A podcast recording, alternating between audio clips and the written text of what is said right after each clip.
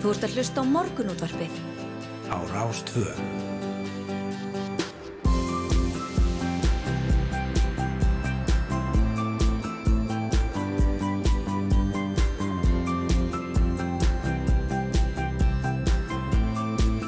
Morgunútvarpið Á Rástvö. Morgunútvarpið býður góðan dag, þriðu daginn 8. mars. Klukkuna vandar, ég hef það byrjað 13 mínútur í sjö og það er Yngvar Þór og Snær og Sindardóttir sem verður hérna með ykkur til klukkan nýju. Já, við erum örlítið fyrir en venjulega, það er bara því að okkur fyrir svo eiginlega gaman að vera í útvarpinu. Já, einmitt, einmitt, heilsum fyrir en vanalega. Já, þrejum mínútu fyrr, alveg, alveg, alveg heilum þreymur.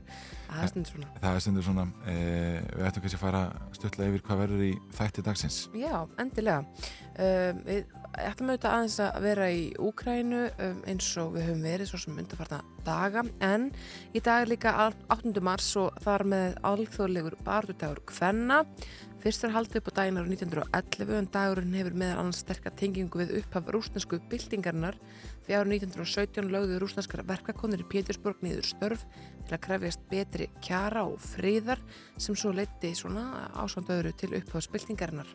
Rúsland hefur auðvitað verið mikið í deglunni frá undrásunni í Úkræni fyrir 12 dögum síðan en við ætlum að beina sjónum okkar að stöðu kvenna í stríðinu í tílefni dagsins. Hún kemur til okkar Stella Samúelsdóttir framkvæmdastýra Júan Vimin á Íslandi til að ræða stöðu úkrænskar kvenna í þessari styrjöld. Já, já, einmitt.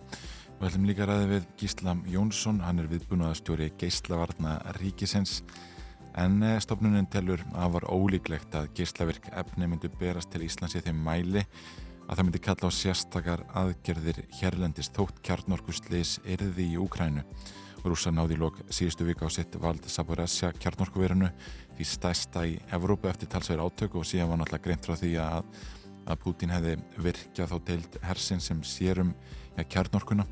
Og við ætlum að ræða við gísla um, um þessa kjarnorku ógn og möguleg viðbröð íslenskra stjórnvalda. Emitt. En í gær veldum við líka fyrir okkur orkuurki Íslands og Evrópu í tengslum við innrásina. En dag ætlum við að skoða fæðurki og efnahagslegu áhrif innrásarinnar því Úkræna er eitt stærsta korn framleiðslu land Evrópu. Til okkar kemur Jón Bjarki Benson, aðalhagfræðingur Íslandsbanka og Birgiröld Smárasson, umhverjus og auðlindafræðingur og fagstjóru hjá Matís og Akureyri verður á línu hjá okkur uh, að norðan. Þannig að það verður gaman að ræða við þá um, um uh, þessa hluti. Sko, um, áburður er mikið tilframleitur í Rúslandi, en mér skjáttast ekki. Uh, þannig að hérna, svona íslenska uppskera geti uh, sko, orðið fyrir áhrifum þessa stríðs Já, er orðið að segja það. Auðvitað ekki kaupanandi skapaðan hlutur á Úslandi þessa dagana? Nei, einmitt, einmitt. Og síðan voru mikla lækkanir á, á aðalmarkaði kaupallarinnar í gær. E, Úrvalsvísitalan lækkaðum um 2% í viðskildum dagsins og, og hefur lækkaðum 14% frá áramótum. Og gengibrjöfa Æsland er lækkaðum tæp 9%, e, stendur í 1,6 krónum á hlut og hefur lækkaðum 20% síðastliðin mánuð og, og leytið þessar miklu lækkanir í kaupöllinni í gerðan þetta hefur verið víða áhrif Já, einmitt, uh, ég man þá tíma einhver þegar að, að það var alltaf svona uh, Dow Jones vísitala farið yfir hana í, í sjómasfrettum Já, einmitt. Ég man ekki alveg hvernig þetta var sko, þetta var í lokin eða eitthvað. Það var alltaf farið yfir sko, stöðuna í Dow Jones vístölunni og, og, hérna, og, og kauphöllinni einhvern veginn Já. í frettatíman bara okkur um einasta degi. Akkurát, það, það getur verið tilumni til, til að byrja því aftur núna þegar hérna, ég allt er raukt að þetta dag Já, en þetta er samt svo forðinlegt af því að, af því að sko, þetta segir rosa mikið um stöðu efnagslífsins en þetta er samt svo mikið svona upplýsingar sem að, að þau sem að er eitthvað að velta þessu fyrir sér sækja sér bara mm -hmm. en, hei, en svona almenningur sem ekki er að fjárfesta eða spá ykkur um hlutabrefum og verbrefum og allt hvað þetta heitir uh, hefur raun og veru kannski bara ekkert sérstaklega mikið skilning á, ekki þannig. Já, einmitt, en, en síðan er eins og, eins og Magnús Harðarsson nefndi við okkur hér í viðtali e, fyrir fánum dögum, þá er almenningun alltaf að taka miklu meiri þátt í þessum viðskiptu núna en áður. Einmitt. og allir og, og amaðira eiga e, einhver hlutabrjöf það vil einhvern veginn verða þannig þegar það er góðari þannig að það eru kannski fleiri að fylgjast með þessu núna en, en, en voru þá og, og þó Já, emitt, og hvað segja tölunum okkur? 70% þeirra sem að fara í svona fjárfæstikar tapa? Ég held það, ég held að það sé, það sé hlutvalli. Já, Já. kannski ekki, já, það Ég er bara, ég er bara, ég er bara kannski ekki verið hann í síðast árið en, en Nei, ég, ég en þekki svo sem ekki hérna heildar töluna heilt yfir Nei, ég, hérna, ég er svo gammaldags Ég bara geim peningin undir kotta næstu Já, já, Nei, nei, það er ágætt líka ég segi svona eh, Við ætlum líka að spá í bandarækjunum Jú, jú, einmitt Joe Biden bandaríkjafósetti hefur verið ómyrkur í máli hvað varðar þessa innrás rúsa í Ukrænu og ráðust í áhrifaríkar refsi aðgerri gegn Rúslandi en vinsældir fósettans fara þó dvínandi ef markam á meðaltal skoðanakanna sem vef síðan 538 tekur saman og við ætlum að ræða við Silju Báru Ómarsdóttur, prófessor í stjórnmálafræði og sérfræðing í bandariskum stjórnmálum um stefnu og aðgerðir stjórnvalda þar í landi á stríðstímum. Einmitt. En að allt öðru, það er tæmlega hálft ár liðið frá alþingiskostningum sem í eðlilegu árferði hefðu verið um tíu mánuður en síðan árið 2016 hafa alþingiskostninga farið fram að hausti. Bergþór Ólásson, þingmaður miðflokksins, vakti máls að þessu dögunum og fullirti að tímasetning kostningana gæfi ráþurinn tækifæri til að misfara með almanna fyrir. Held að hann hafa orðið það bara nákvæmlega þannig. Og hann kemur til okkar til að ræða, uh, ræða þessi mál og þessar fulleringar sínar. Já, mjög áhugavert og hér í lók þáttar þá ræðum við Sævar Helga Bragason í vísindaspjallinu eins og alltaf annarkveð eh, já, þriðudag nú þurfti ég að hugsa hvaða vikudagur væri Jú, þriðdagur. það er þriðudagur og það er, já, heimur vísindana er alltaf forvitnilegur það verður áhugavert að sjá hvaðan kemur með til okkar í þetta skiptið Emitt.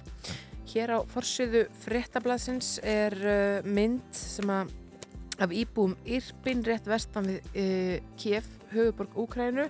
Hérna segi ég að það er komin enn einn rithátturinn á Kiev hér á forsöðu, forsöðu fréttablasins. Þau skrifa K-I-J-I-V það er K-I-J-I-V.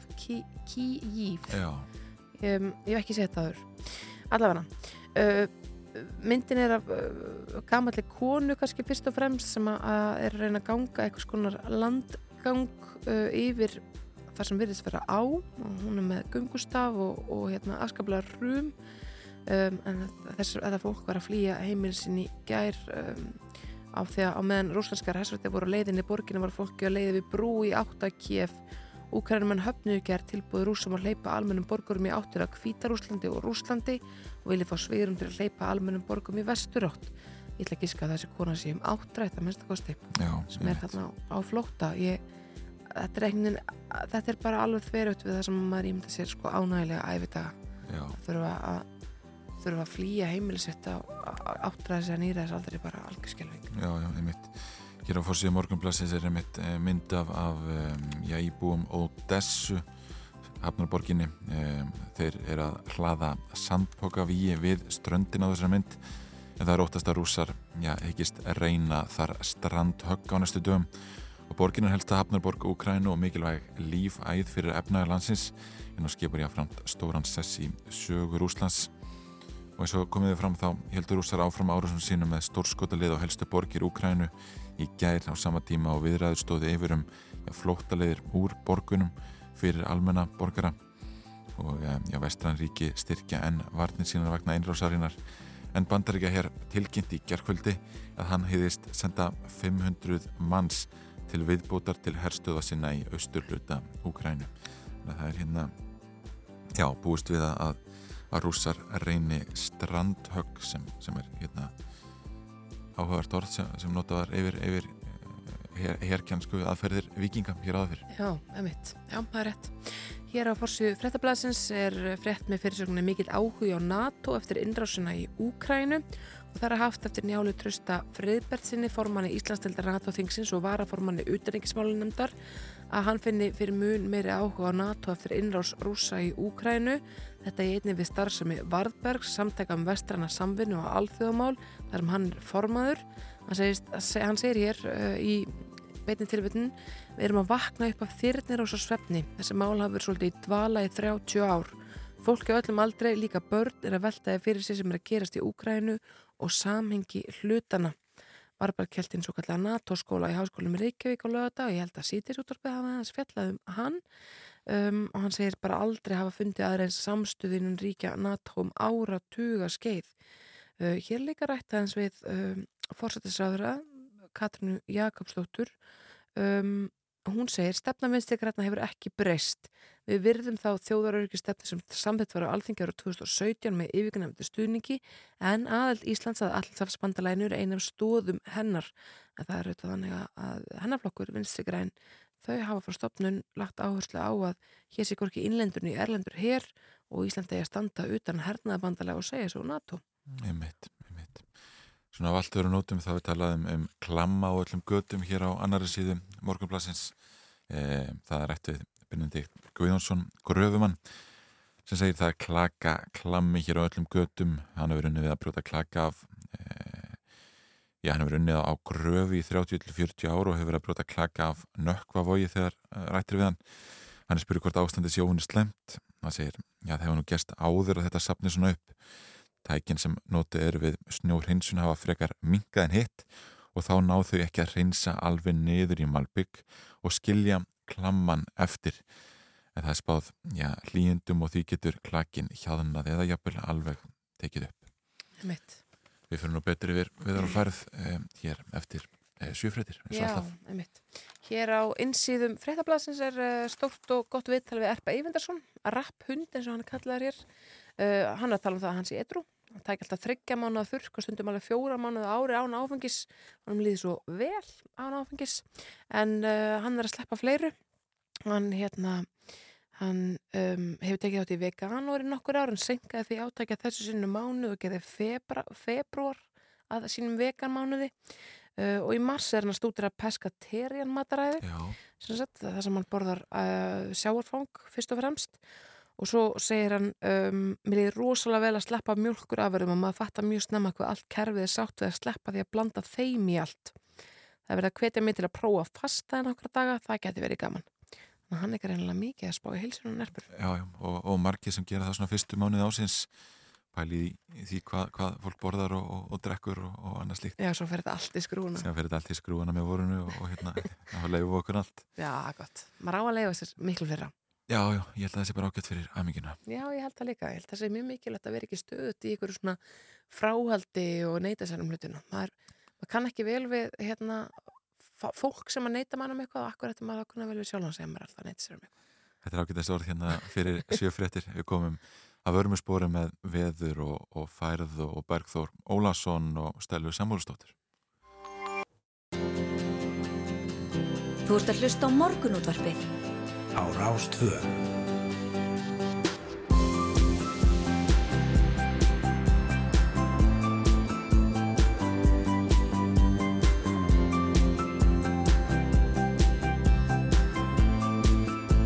Morgunútvarpið á Rástvö. Jú, við bjóðum góðan dag hér í morgunútvarpinu á Rástvö. Sjöfrættir að baki og Snæður Sundardóttir og Ingar Þór Björnsson sitja með ykkur Já, eins og við gerðum þetta fyrir sjöfrættir. Við byrjum alltaf hér 6.50 á mótnana og vorum aðeins fyrir því þessu sunni. Já, já, einmitt og ágæta að, að byrja að hlusta strax þá. Þá fyrir við yfir, yfir eh, já, dagblöðin og, og hérna svona helstu fréttir næturinnar. En við skulum kannski líta til þess sem verður í þætti dagsins. Við ætlum að ræða tölverst stöðin í Úkrænum, við ætlum að ræða við, eh, já, viðbúnaðastjóra geyslavarna ríkisins um mögulega kjarnorku ógn og viðbröð íslenskra stjórnvalda og við ætlum líka að ræða við Silju Báru Ómarsdóttur um uh, já, stefnu og aðgerðir stjórnvalda í bandaríkjónum í þessu stríði. Einmitt, við ætlum líka að ræða uh, já, fæðu öryggi Íslands og efnahagslegu áhrif innrásarinnar fyrir okkur við Jón Bjarka Benson, aðalhagfræðingar Íslandsbanka og Birgjörn Smárasson sem er fagstjóri hjá Matís á Akureyri Uh, og svo ætlum við að ræða stöðu hvenna í þessari innrás við stelu samúðstóttur framkvæmdarstjóra UN Women á Íslandi og það eru þetta ástæðan fyrir því. Það er 8. mars í dag, alþjóðlegur bardagur hvenna. Mm. Hlað mikið með daginn. Já, takk. Og síðan endur við þáttinn á því að, að e, fá Sævar Helga Bragason til okkar í Vísindarspjall. E, eins og alltaf, annarkoð þrjöðu dag. Já, emitt. En við ætlum líka að koma inn núnum Bergþóri Ólasinni uh, á þess að vera að ræða Úkrænu. Við ætlum að ræða við hann um tímarsetningu alþingiskostninga því að á þingi í, já líklega síðustu viku, mm. þá fullirti hann að tímarsetningkostninga þarf að segja að hausti bara hreinlega gæfi ráþörum ríkstjórnarinnar tækjaferð þess að misfara með almannafi. Það er forðanlegt að heyra uh, já, aðeins betur á því hvað já. hann er að velta fyrir sér í þeim öfnum. En ef við lítum aðeins á VF viðstofunar þá kemur þar fram að, að eh, ég einhvað sem kannski ætti ekki að koma fólki á óvart. Lægð nál, nálgast nú hægt og bítandi úr söðri og skil frá henni gangun og yfir landi með tilherrandi umhleppingum. Í dag snýst í söðaustan 10-18 metra á sekundu og hlínar með rigningu en það verður norð-austanátt og snjókom á norð-vestan til landinu fram yfir háttegim og stittir upp norð-austanlands. Nú viða skúrir setnipartin og dregur smám saman úr vindi en þá verður þurft og bjart á Norðurlandi og hitti 1-8 stig.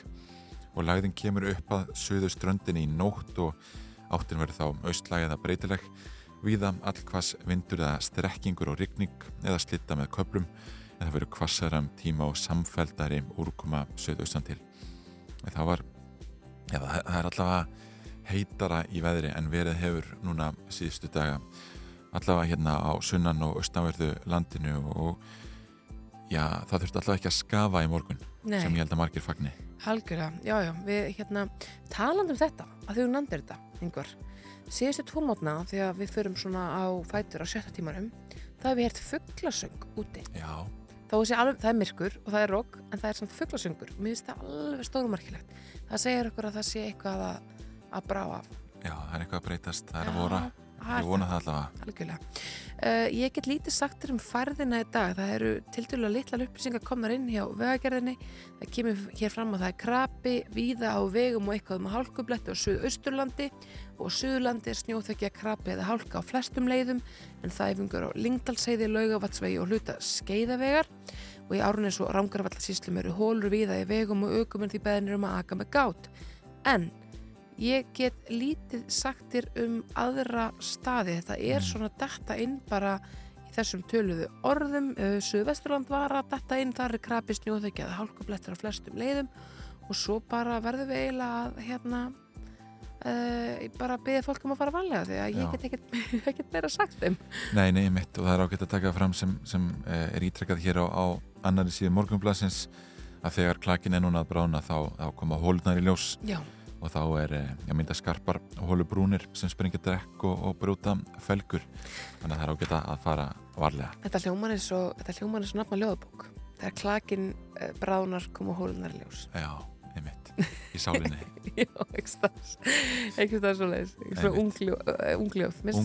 Já, einmitt, ég, ég, hérna, ég botna þetta, skrifa þetta einhvers stað niður. Svona þegar laufin sofa líka spaðanir andvaka.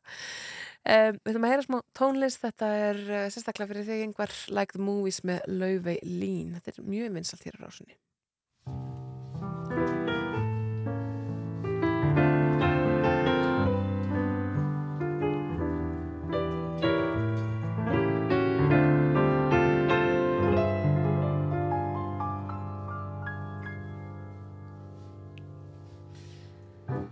Maybe one day I'll fall in a bookstore into the arms of a guy.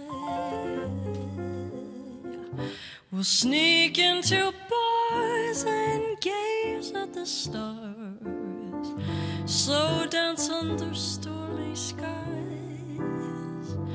Oh, I'd like to sleep until two on a Sunday and listen to the bluebirds sigh. Get soaked in the rain and smile through the pain. So dance under stormy skies. Maybe I'm just old fashioned. Read too many fairy It's no wonder I've had no luck. No one's ever good enough. I wanna love like I've seen in the movies. That's why I'll never fall in love.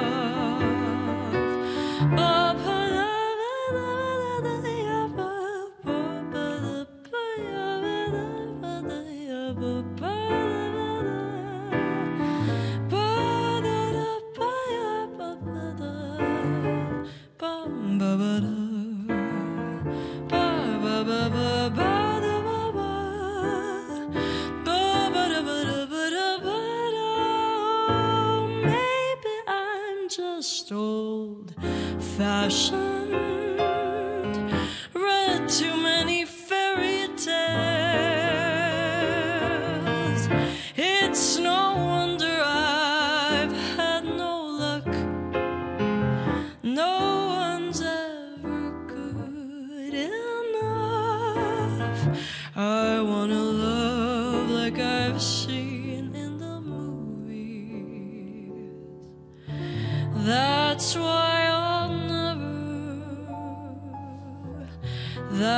Why I'll never.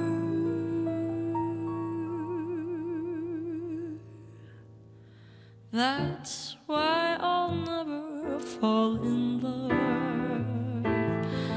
Ba.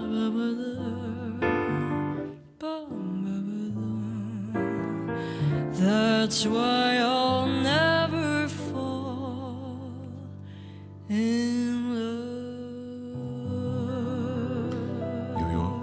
romantíkin alls ráðandi hjá Löfu Lín Like the Movies úr, úr uh, vikunni með Gísla Martini. Já, þetta er skemmtilegt. Uh, ég ætlaði svo sem að reyna að ræða eitthvað annað hér en Rúsland og Úkrænu en það er bara, það er, já, svona tvö ár cirka kannski síðan maður sá annað svona fréttamál taka algjörlega yfir allt og það tók yfir tvö ár þannig ég ætlaði svona, ég ætla ekki, ég ætla ekki svona að, hérna, segja hvað það er, hlustundur vita hvað ég er að tala um. Já, einmitt Um, en um, hér á síður 6 í fréttablaðinu er uh, svona skemmtri frétt þó hún tengist vissulega innrásunni í Ukrænu. Það er Moskó mjúl verður kef mjúl á börum bæjarins í samstöðu aðgerð. Íslenski veitingamenn hafa tekið rúsnanskan vodka úr hillum hjá sér og vinsalir káttelar að borðu Moskó mjúl og White Russian hafa fengið ný nöfn sem samstöðu aðgerð með Ukrænumönnum. Eitt stærsti heilsæli með vodka á Íslandi sínir samstöðinni verki og hefur hægt sölu á vodka frá Rúslandi. Einmitt. Það rætti hérna líka við Baldur uh, já, Baldur Guðmundsson uh, Hraunfjörð, veitingamæður á koktel og vínbarnum veðri. Hann segir hér að, að það sé búið að breyta Moskó mjúli með í kýfmjúl og við erum ekki með neitt rúsneskan vodka hjá okkur, við erum að kalla White Russian og White Ukrainian segir Baldur. Og ef einhver beður um White Russian þá eru þeir að beðja um White Ukrainian. Já, þannig að eh, hérna, það er ágætt að hafa þetta í, í huga fyrir helgina Já, sko eina sem að, ég sé að þessu er að, að ef maður er búin að drekka of marga þá er alltaf erfitt að segja Ukrainian. Ukrainian, já, einmitt að, maður get, það getur svona þú held svolítið fyrir manni. Að kannski er þetta bara ákveðið svona barometer á það hvort að, að hérna, að þú getur borið nafni fram Já, þá, uh, þá er þetta tækur til þess að fá þér ennan en annars verður að fara í eitthvað einfaldara og léttara. já, annars færi bara vasklas Já, það bara vaskla. Það er rætt hérna, hann segir viðbröðin hafa verið mjög góð og fólk verðist vera mjög stolt af okkur. Alltaf kemur brosafur þegar fólk sér kýf mjúl. Já, algjörlega. Já, hann er röglega vinsæl. Já, Alveg, alveg 100%. Já, já. Mos, Mosku múlasni. morsku múlastinin eh, Úkrænu. Já, þe- þetta er hérna, þetta er stórkott. Vi, við reynum þetta um helgina. Já, já, einmitt. Ég hef líka varlit sem heitir Moskvu rauður. Já, Ég er ekki viss um að, þú veist, ég er hægt að nota en, en ég, já, já, já. En það er svona. Ég átti mjög, hérna, uh, innihaldsríkar samræður við stjúpsson minn við mataborðið í gæra, sem að hann var að tala um að það væri samt ekki uh, rústnanskum almenningi að kenna Nei, og svo framvegis nei. og, og það er uh, mjög góðu punktur að, að, hérna, að það er hægt að leifa uh, sko stjórnvöldum að finna fyrir stríðinu og áhrif, áhrifum gjörða sinna Mm. en á þess að, að hérna að uh, láta ítla eða ófriðlega við fólk sem hefur bara reynlega ekkert um þetta að segja og er ég bara mjög ósamála ákvarður um rúsneska stjórnvalda. já, já, þetta, þetta, einmitt, þetta er ákvarðinir rúsnarskra stjórnvalda og, og eflust ekkit allra heldur þar eh, og, og, og þarf að láta já, almenning finna fyrir þessu. Já, þetta er svona einhver lína að auðvitað, hérna, auðvitað ef almenningu finnur fyrir aðgerunum þá er uh, svona líklega að það myndist þrýstingur á stjórnvaldin en það er kannski óþarf að láta svona einstaka borgara finna fyrir uh, eitthvað svona bræða heft. Mm Það snýst allt bara um uh, að auka magna kærleika í heiminum, er það ekki? Jú, jú, og ástina. Ástina, já. Við ætlum að leira eitt lag, þetta er China Girl með David Bowie og svo ræðum við stöðu kvenna í, í því tilefni alþjóðlags bardags kvenna sem er í dag.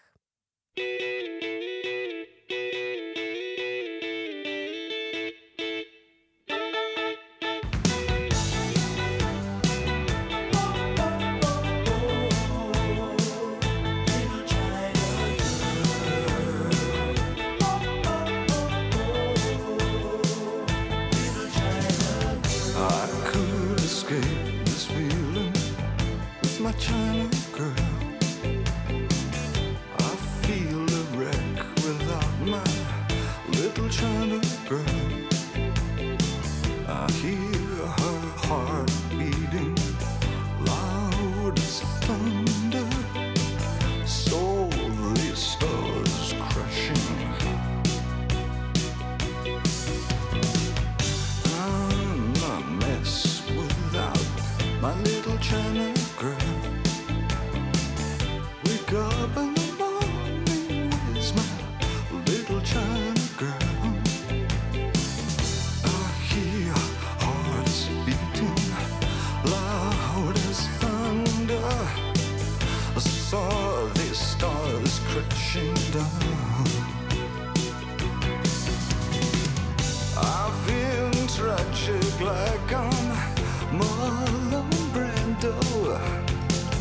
When I look at my China girl, I could pretend really meant too much. When I look at my China girl.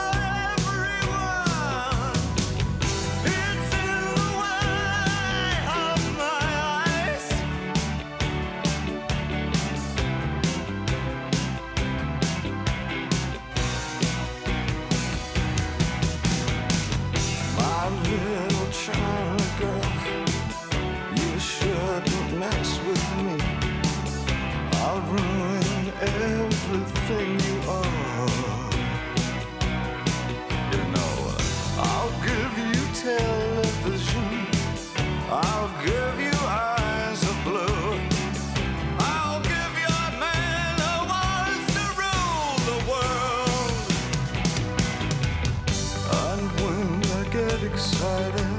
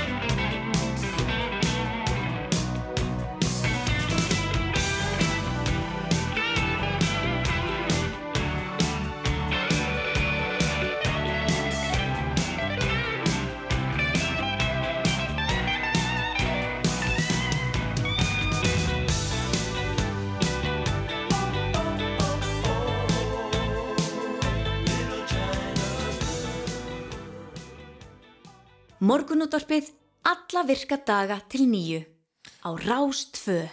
Jú eins og nefndum áðan þá er í dag alþjóðlegur barðdagur Kvenna, það var fyrst haldið upp á daginn 1911 en um, okkur langar að ræða já, stöðu til að mynda úkrænska kvenna í, styrjöldinni og, og hvernig það er allt og, og stella Samúlstóttir framkvæmdastýra UN Women á Íslandi komin ykkar til okkar, góðan daginn. Góðan dag. Sko hvernig áhrif hefur stríð sem þetta á, á stöðu kvenna í, í Ukrænu? Já, við hjá UN Women höfum þungar áhyggjur af stöðunni og þá sérstaklega uh, stöðu kvenna og stúlkna því að allar tölur og rannsóknir sína okkur að í svona aðstæðum, hvort sem það eru náttúruhamferðir eða stríðsátök, þá bitnar það allharkalega á, á konum og stúlkum. Uh, þannig að við höfum uh, hrundið að stað uh, neyðarsöfnun eins og margar aðra stofnanir hér. Til þess að geta verið til staðar í Úkrænu fyrir konur. En eins og við öll vitum þá er já, eins og þú nefnir alþjóðlega baráttudagur hvenna í dag og fókusin átt að vera svolítið á það að, eða þema í dag áherslu á lofslagsmál og kynjuð áhrif þeirra. En eins og allir þá erum við svolítið að fókusa á Úkrænu í dag og, og undarfarna dag og næstu vikur. Mhm. Um, þannig að það sem við erum að horfa fram á og höfum miklar áhyggjur af eru aukna líkur á kynbundnu ofbeldi, mannsali og almennri neyð og, og þetta sína okkar tölur að, að gerist við svona aðstæður.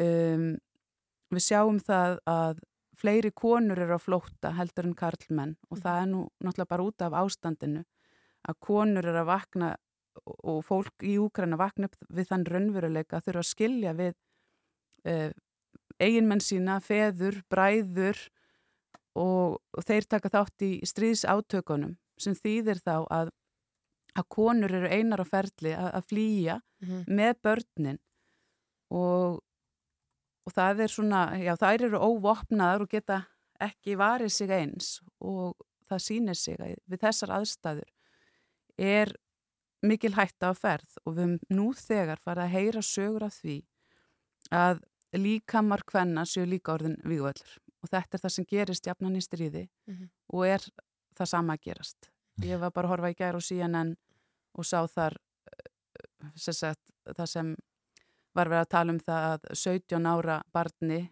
stúlkubarni hafi verið nauðgað og svo drepið. Þannig að þessar sögur eru farnar að koma fram í erlendum fréttamiðlum og ég held að Rúf hafi mitt líka fjallaðum á sínum eða morgunblæðið á sínum miðlum. Er það þá af rústneskum uh, hermunum? Já. Já.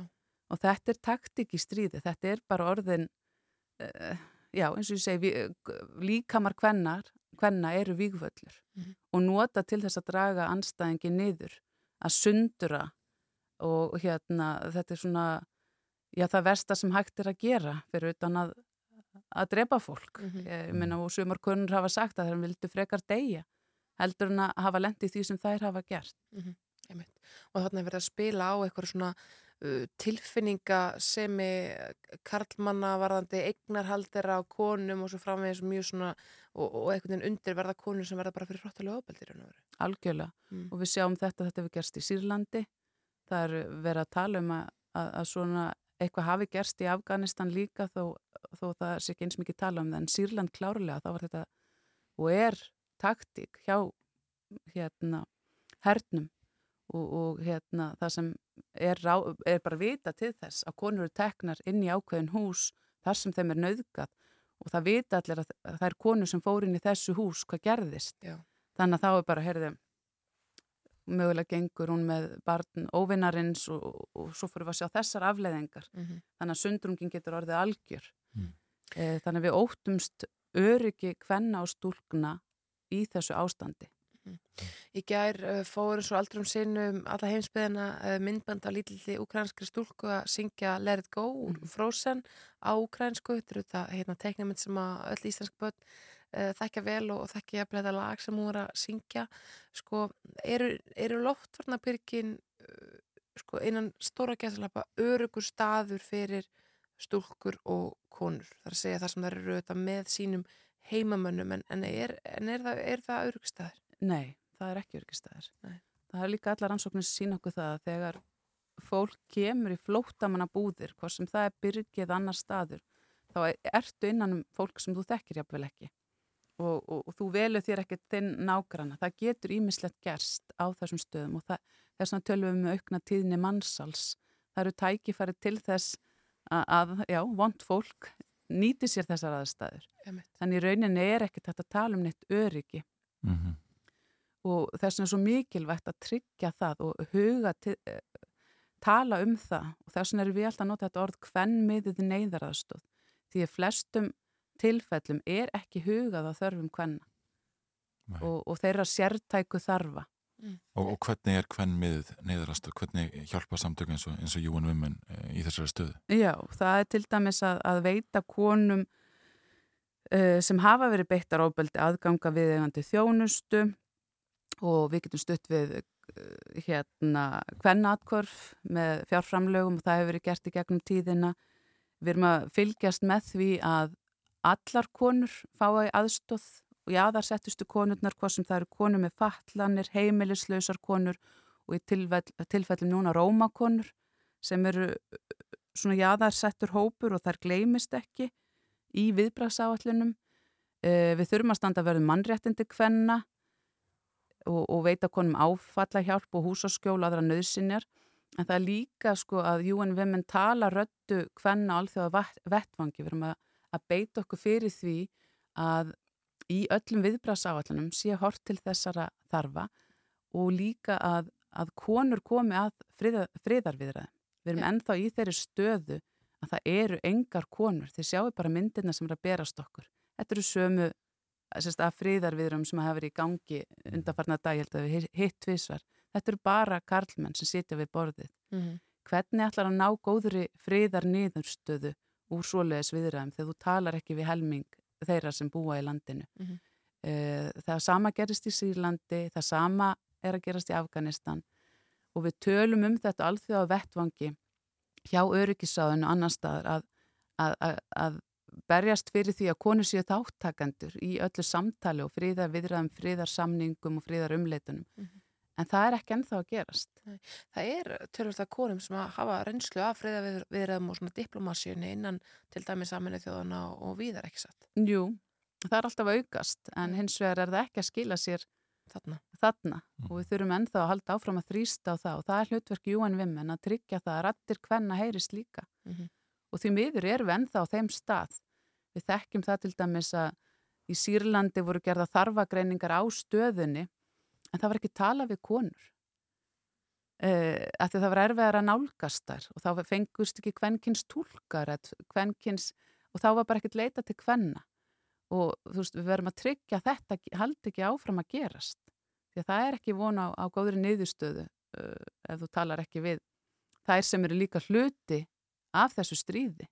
Og, og þetta hefur áhrif á konur þó að þær sé ekki í meiri hluta þáttakandur í átökunum en vissulega eru marga konur að taka þátt og þær eru að óska þess að, að verða eftir og berjast eða vera bara um kyrst í neðanjarðabyrgjum með börnin sín mm -hmm. þær vil ekki sundra fjölskyldum sínum mm -hmm. heldur því að það hvað veit maður hvað gerist þá? Emitt. Stella Samóslóttir, framkvæmtastýra Júan Vimmen á Íslandi, takk kærlega fyrir að koma og, og ræða þessa viðkomi stöðu.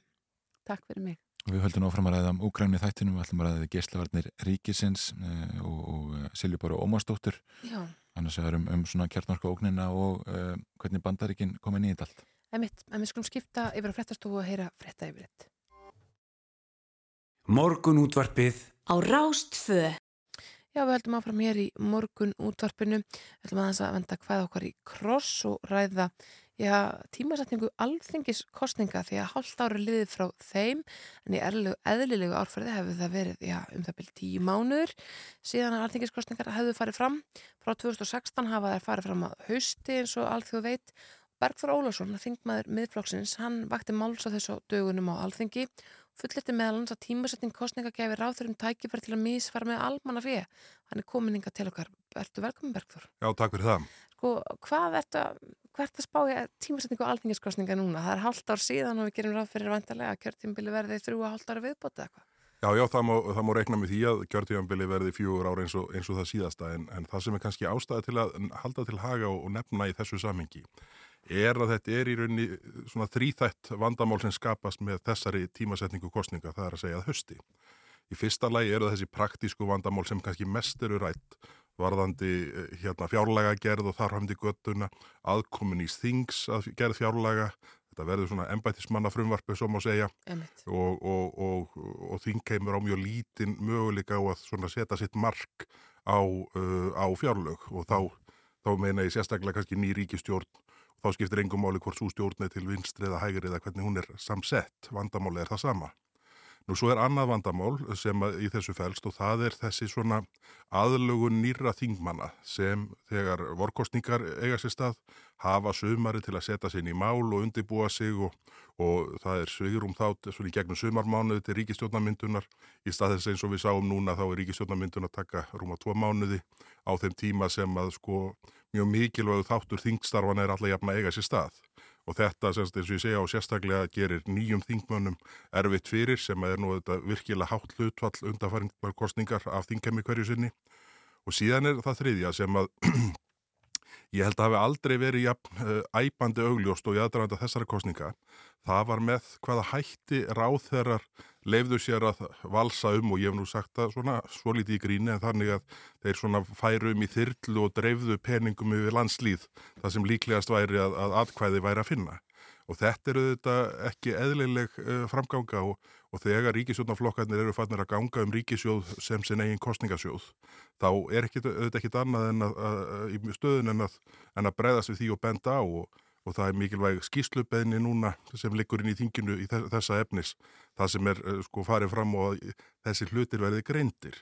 Það var sagt á köflum að sko sumir á þarna kæmist allar fram úr rúminu öðruvísin að dreifa 20 miljóna í þá átt sem að líklegt var að nýja atkvæði væri að finna mm. og það eru auðvitað sko ekki eðlileg staða og, og, og er ekkit annað en misnótkun á skatt fyrir almennings. Mm. Forsetsráð þeirra komin í þessa umræðu og sagði efnislega að uh, þetta væri ekkit nýtt ráð þeirrar hefðu geta gengið fram með þessum hætti á fyrirstígum mm. en munur náir sá að þegar eru vorkostningar og að ráð þeirra ganga fram með þessum hætti þá er þingið að störfum. En það er ekki staðan þegar um höstkostningar eins og síðastlið höst er að ræða. Þannig að aðhaldi velður allt annað og það bara blasti við að sá freys, uh, ráð þeirra réðu ekki við þann freysnivanda. Mm. Og, og þeirra kallið því að, að kostningarnar verði færðar þá aftur? Ég held að það mæli allt með því og, og þessi umræða sem átti sér stað í þinginu sem var Björn Levi Gunnarsson þingmað Pírata var upphalsmaður að henni. Uh, þessi umræða hún í rauninni svona kannski endur speklaði það að fulltrúar núverandi ríkistjórnar svona reyndu að svona, færa rauk fyrir því að þetta væri nú óskup eðlilegt og bara sjálfsögð þróun en þegar málið skoðað svona yfirvögun og skinnsemi svona án þess að horfa til stjórnar eða stjórnar anstöðu þá blasir við öllum að, að haganlegast er að kjósa það voru. En getur þetta ekki dæmi Bergþór um það hvaða, já, hvaða peningu var eitt sem að þið fórst óæðilegt að hefði farið án umröðu gegnum þingi? Eh, ég vil nú kannski ekki nefna ákveðnar, eh, sko, já, jú, ég geti nefnt ákveðnar upp að en til dæmis uh, þáverandi félagsmálar á þeirra, uh, Ásmundur Einar Daðarsson. Það leið varðla svo dagur að hann skrifaði ekki undir samstarfsamning við, við ný félagsamtök í aðrandakostninga. Það var alveg reynd ótrúlegt að fylgjast með. Fjármálar á þeirra kemur stígu skyndilega fram hafandi á fyrir stígum með ríkistjóninni stoppa þinn ímsu hérna, félagsamtöki að halda tekjuskapandi starfsemi gangandi uh, og kemur fram í aðræða kostning og segja heyrðu við í ríkisjóðum mun borga tjónið af því að uh, vestmanningar fengu ekki að halda þjóðati í vestmanninu og þetta eru svona uh, í rauninni tilfallandi áfkvarðanir og ég er, ég, ég er nú þeirra skoðunar að allir þessi, all, þessi styrkja frumvörp í tengslu við COVID eru þetta ekkit annað en bætur til fyrirtæki og fólk sem að, að var stoppað frá því að nota eigni sína til að afla sér tekna.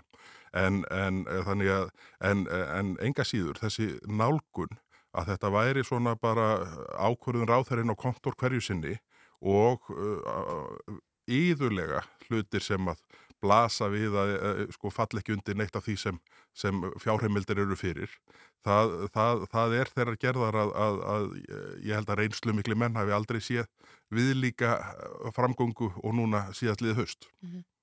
Sko, ef við stöldum hans við þetta sem þú saðir hérna á hana að, að svona ég bara mótframlugu við þau fyrirtæki sem að töpu fyrir í COVID sé eins og þú orðar það einhvern veginn um, bætur fyrir Ba bætur en ekki styrkur já, já. bætur fyrir það að, að, hérna, að fólk hafði ekki nota eigin neigni til þess að afla tekna sko.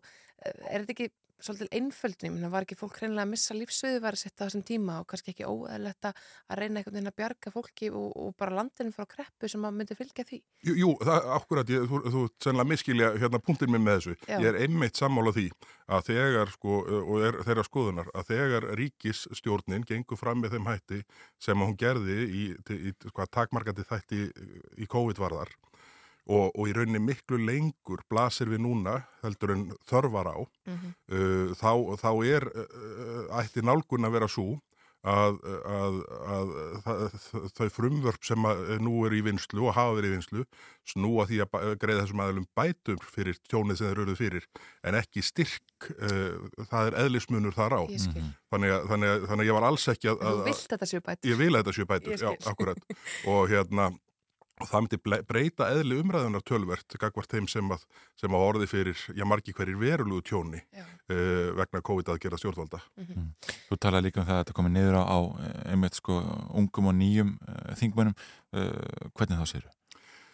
Það eh, felst nú að miklu leiti því uh, bara uh, fyrsta lagi að þingmenn hafi svona rýmri tíma til að átta sig á því hvernig þingstörfin ganga fyrir sig, undibúa eigin mál, þingsáliktanir, frumvörp, setja sig inn í mál, hvort sem það eru fjárlög eða önnur þau mál sem að, sem að, sem að koma til umræðu uh, við upphafs hvers þings og hvað þá í byrjun kjörtíðanbils aðeins að átta að sjá hvernig, eins og segi, nefndastörfu og annað ganga fyrir sig, þetta, þetta, er, þetta er allt önnur aðkoma að fyrsta þingveturinnum af fjórum sem er þá þráttur allt fjórðungur kjörtífambilsins. Þegar það er að eiga sér stað eins og núna, uh, svona sittkorum með við áramút, í stað þess að það sé að eiga sér stað í sömarbyrjun og, og þing, nýjir þingmenn sem að hefur nú verið sko rúmlega þriðjungur, ég, ég er nú ekki með í kollinum hlutfalli núna en það lág einhver stað milli, milli uh, 35-40 próstegi mann rétt, uh, nýjir þingmenn á, á þingi uh, við þessa kostningar. Uh, þessi hópur er í miklu verri stöðu hvað fyrsta fjórðung kjörtíðanbilsins varðar heldur en, heldur en raunin væri ef að það væri kosið að vori. Já. Og hérna og ég tala nú ekki um eins og, eins og ríkistjórnin er samsett sem að, menn eru búin að gleyma því nefnilega að þegar COVID brestur á uh, í byrjun árs 2020 þá átti ríkistjórnin ekki margt annað eftir en að líðast í sundur, ósættið var þannig, þannig að ríkistjórnin var nú svo sem sennilega fór best, best út úr þessari, þessari, þessu COVID-tímabil öllu og manni sýnir svona, margt benda til þess að, að, að svona ósættið í, eða ástir þessur, þessara samlindu, þjóna, samlindu hjóna séu minni en, en, en svona látið var í veðri vaka, þannig ef kjörtífambili verður stittra en fjögur ár í þetta skipti vegna þess og þá eru nýjir þingmenn núna að fá í rauninni mjög stutt strá afhend. Einmitt. Eh, Í það ljósi þess að, að að- fyrsta, fyrsta þingið verður svona skrítið í lægin. Já, heldur það sé líklegt að ríkisjótin lifa ekki þetta kjörtímabil af? Mér finnst svona margt benda til þess að ósættið sé miklu meira heldur en látið var í veðri vaka. Við sjáum bara hvernig uh, vandræðagangin í tengslum við orkumál. Nún eru frumvarp sem að Jón Gunnarsson hefur flaggað að verði kynnt í ríkistjórn í dag varandi útlendingamál sem að ég veit að verður mikið ósætti um í hérna, ég skrifa nefnir pistil í morgunbladdagsins um, um það tiltekna mál. Uh, þetta, þannig að ég, ég er svona mig grunar að ríkisjónin munir finna sér mjög fljótt á þeim stað á þessu kjörtíðanbili sem ríkisjónin var á eftir tvö ár af liðinu síðasta kjörtíðanbili. Já, Forðunlegt, Bergþór Ólarsson, þingmaður miðflokksins, það kærlega fyrir komuna í morgunúttarpið. Takk fyrir mig.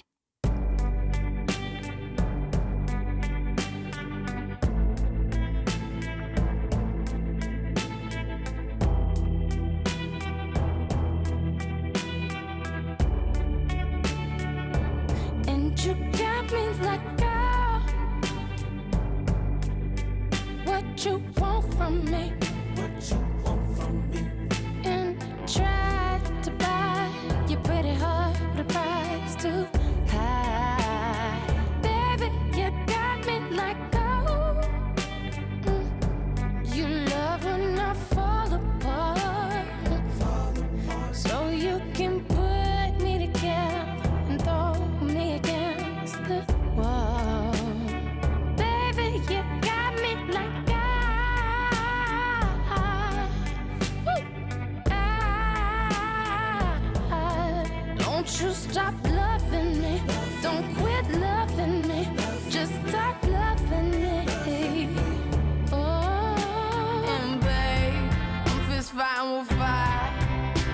to get close to you.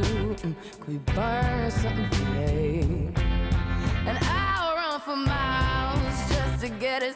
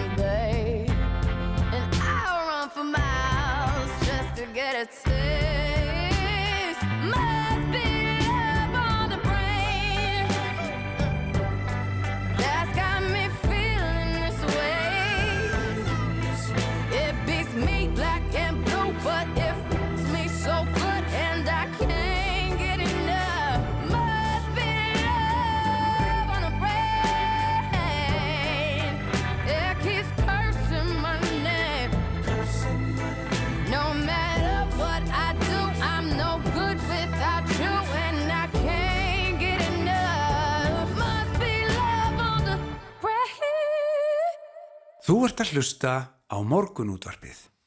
Jú, morgunúttarpið heldur hér áfram og við höldum áfram að ræða stöðuna í Úkrænu en geslavarnir ríkisins telja að var ólíklegt að geslavirk efni myndi berast til Íslands í þeim mæli að þeim myndi kalla á sérstakar aðgerðir hérlendis þótt kjarnorku slis yrði í Úkrænu og Gísli Jónsson, já, viðbúnaðarstjóri geslavarnar ríkisins er komin ykkar til okkar, góðan daginn.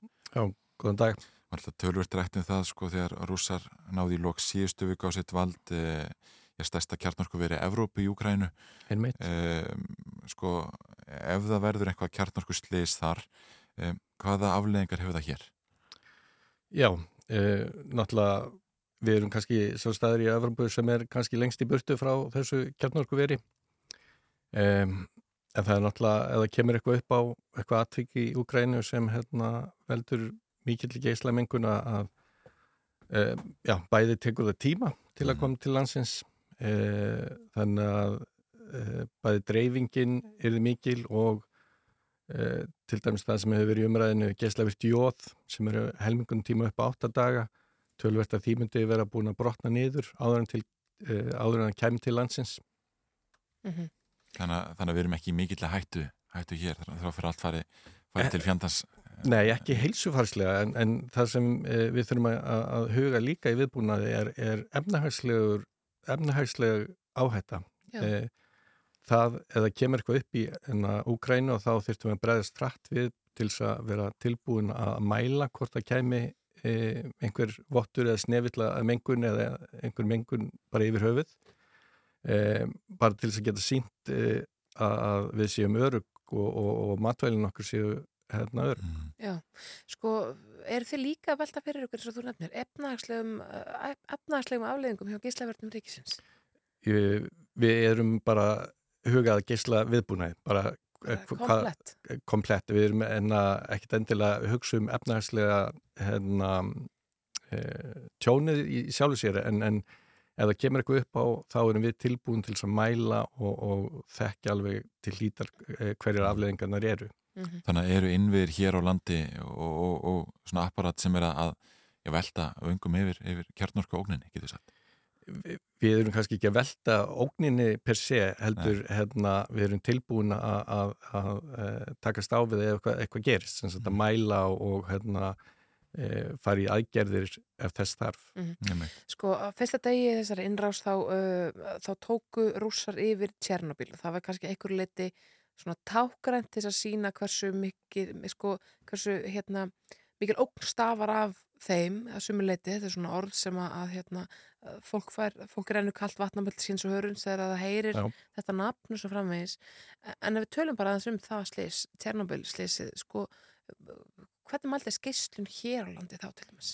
Það e, lítið sem ekki neitt held ég e, e, og, og, og til þess að bara átta sig líka á fjallaðinni að hérna, e, það mæltist fyrst í, í Forsmark kjarnorkuverinu mengunum frá, frá Tjernobyl Mhm. og það var held ég e, kringum rúm tveim sólarhringum eftir slysið Mm. uh, og að vísu var það náttúrulega daldil mengun bæði í Svíþjóðu og Noregi eftir það slys. Já, einmitt. Þið tókuð þetta ágætlega saman sko á vefsíðin ykkar hjá geislaverðin ríkisins talað þar um fjallaðina og það myndi líða margir dagar þar til geislamengun bæðist til Íslands og á þeim dögum er þið þinning á, á geislaverðinni mjög mikil. Sko hvar þyrti eh, sko eh, hvað, hvað getur við sagt, hva, hva, sko hvar þyrti kjarnorku sprengja að springa til að Íslendingar fyndu verulega fyrir það. Eru við örug bara á þessari eigu hér í Allasæði? Örug, já, eh, náttúrulega í stríði er, er kannski hérna, erfitt að segja einhversi örugur en hérna e, sko náttúrulega slísi kjarnorku veri hvers er í Evrópi er náttúrulega kannski alltaf langt í burtu frá Íslandi næsta kjarnorku veri er í Edinborg eða Glasgow mm Mhm. -hmm. kjarnorku sprengja sem slík þarf ekki endilega að vera heldur slæm Eh, hérna, það fer eftir sprengjónu sjálfum og, og hérna hvort það kemur mikil spreng hérna, geislaverk úrfelli Já. Menna, það, það 1950 til 1960 var hérna, sprengtar 100, 100 kjarnungsprengja í andrumsvartinu Já, já. Þannig að uh, virknin er alla jafna mjög staðbundi Mhm. Já, já. Þannig að, að, að sko þó að kjarnarku vopn séu þetta flokkur sem gerir enga vopn þá er það ekki þannig að við hér þurftum að hafa ágjör á geisluninni sem slíkri ef að slík springi myndi springa. það er allt eftir hvað hún myndi springa en, en hérna, já Já, en sko í Svíþóð hafa, hefur fólki verið, send, verið sendra jótöpur undarfarið, e- einhvern veginn sem eitthvað svona varúðarástöfun. Nei, eh, sem sagt, ekki Svíþjóð. Hérna, Svíjar hafa bara gáð það alveg út að hérna, jú, fólk sem býr í nágrinu við kjarnokver bara samkvæmt lögum þá eh, á eiga fólka í, ég man ekki hvort að 5 eða 20 km fjallæð það á að eiga jótöflur. Já. En eh, sænsku geislavarninu gáðu það bara út að þeir sjá ekki fyrir sér að neitt aðtöki í Úkrænu myndi leiða til þess að eh, þeir þyrftu að fara að dreifa jótöflum. Og jáfnveil þó að kjarnokspringja myndi springa þá sjá þeir ekki fyrir sér að, að, hérna, að fólk þyrfti að taka það inn jóð En af hverju tekur fólk inn jóð þegar hérna, einhver, einhver gislavirkni verður? Jú, ef þú ert nálægt eh, eins og kjarnorkslísu og sérstaklega þá kannski úr kjarnorkuverið, þar sem losun er kannski töluverð að, að sett, jóð bara skjaldkirtilin tekur það mjög öðvöldlega upp og þá ert að sapna geislavirkum en að efnum náttúrulega í skjaldkirtilin og eigur líkunar á, á hérna, skjaldkirtilskrabbamenni en í þeirri umræði hafa bara í huga að hérna Sé, það, það eru til aðra leiðir til þess að verjast því að ef það kemur geislaverku mökkur yfir beigðu til dæmis að þá ein leiðin er bara að segja fólki að, að uh, halda sig innandýra uh, þegar, þegar mesta geislunum fer yfir. Það er hérna, einnig góð vörð. Já. Þú- Sko þú segir þegar mesta geislunin ver, fer yfir, er þetta svona svo bylgja sem að svo bara fer framhjá? Uh, náttúrulega í svona geislamengun eða geislaverku mekki er, er náttúrulega bæði lofttegundir og agnir Mhm. og, og lofttegundinu náttúrulega myndu bara fjúka framhjá uh, en úrfellið eða geislaverka ríki sem myndi falla, það er náttúrulega uh, myndi vera ennþá uh, geislavirt Mm. En, en jóð er uh, alla jafna á loftkendi formi og, og það myndi uh, fara framhjá og brotna niður uh, tildulega fljótlega. Sko það komið hérna frétti bara fyrir viku síðan að svo að jóðtöflur í apotekum landsins varu uppburnar, fólk greinilega farið að kaupa sér jóðtöflur, er það óþarfi? Já, á Íslandi myndi ég telja það algjör og þarfi. Það, hérna, ég segi, við eigum ekki vona á að, að það berist mikil mengun til landsins og, hérna, og, og þú ert í raunin bara verjaði fyrir þessu gæslevirka jóði. Mm -hmm. En þú talar um ekki mikil mengun, þá gæti komið einhver mengun hérna sem hefur þá bara lítil sem engin áhrif eða eitthvað. Já, við bara, ef við tökum dæmi að Fukushima, Já. það hérna, uh, og, og sýnir okkur kannski tímaramann líka, slísið þar var svona um, kannski, ég veit ekki, 8-10 dögum áður en við fórum að mæla eitthvað hérna og það sem við mældum hérna var náttúrulega algjör snevill af einhverjum hérna, efnum. Já, já. Það kemur hérna fram á, á efnum ykkar að, geislavarnastofnanir Norðurlandana fylgist almennt grant með stöðinni.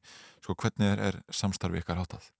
Við erum í mjög góðu og, og bara gjöfilu samstarfi Norrlandin og hérna við meðal hans gefið út uh, svona viðbúnar handbók fyrir hvað á að gera í svona meiri háttar geislaslýsi.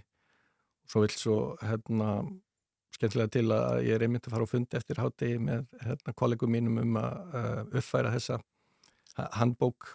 Já. Svo vinna starf, en að byrja nú fyrir tveimur árum þannig að þetta er ekkert sem við erum að grípi í. Nei. Nei, En væntalega verður þá gefið í varandi það, þessar uppfærslu núna? Þetta er náttúrulega handbók bara svona tæknilegs eðlis Já.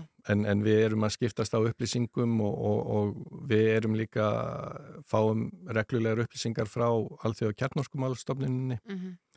Þannig að við erum vel upplýst um stöðuna og, og, hva, og hvað, hvað opnar eru gangi og slögt á hérna í Ukrænu. En, en Gísli, ég heyri að þú ert ekkert mjög stressaður yfir þessu. Sko, eru kollegaðinir í Evrópu rálegar yfir stöðun eins og þú? E, svona, ég er ekkert stressaður yfir geislaváni en mann getur alveg verið stressaður yfir stríðinu. Mhm. En, en e, hættan á mengun er náttúrulega miklu meiri í Evrópu heldur en á Íslandi. En hvernig er svona lagaramin almennt, hvað varðar sko kjarnorkuna, er þetta eins allstaðar í Európu, hvernig á að meðhöndla þetta til að ekki, verið slis eða, eða þessu er ekki misbeitt? E, sem sagt, e, lagaramnum viðbúnaðin er, er mjög svipað. Það er hérna, tilskipun frá Evrópusambandinu sem er hérna, já, sam-evrósk, þannig að það, það er mjög svipað. Einmitt. Og blasir við að, að það sé verið að, að, að brjóta þessar reglur?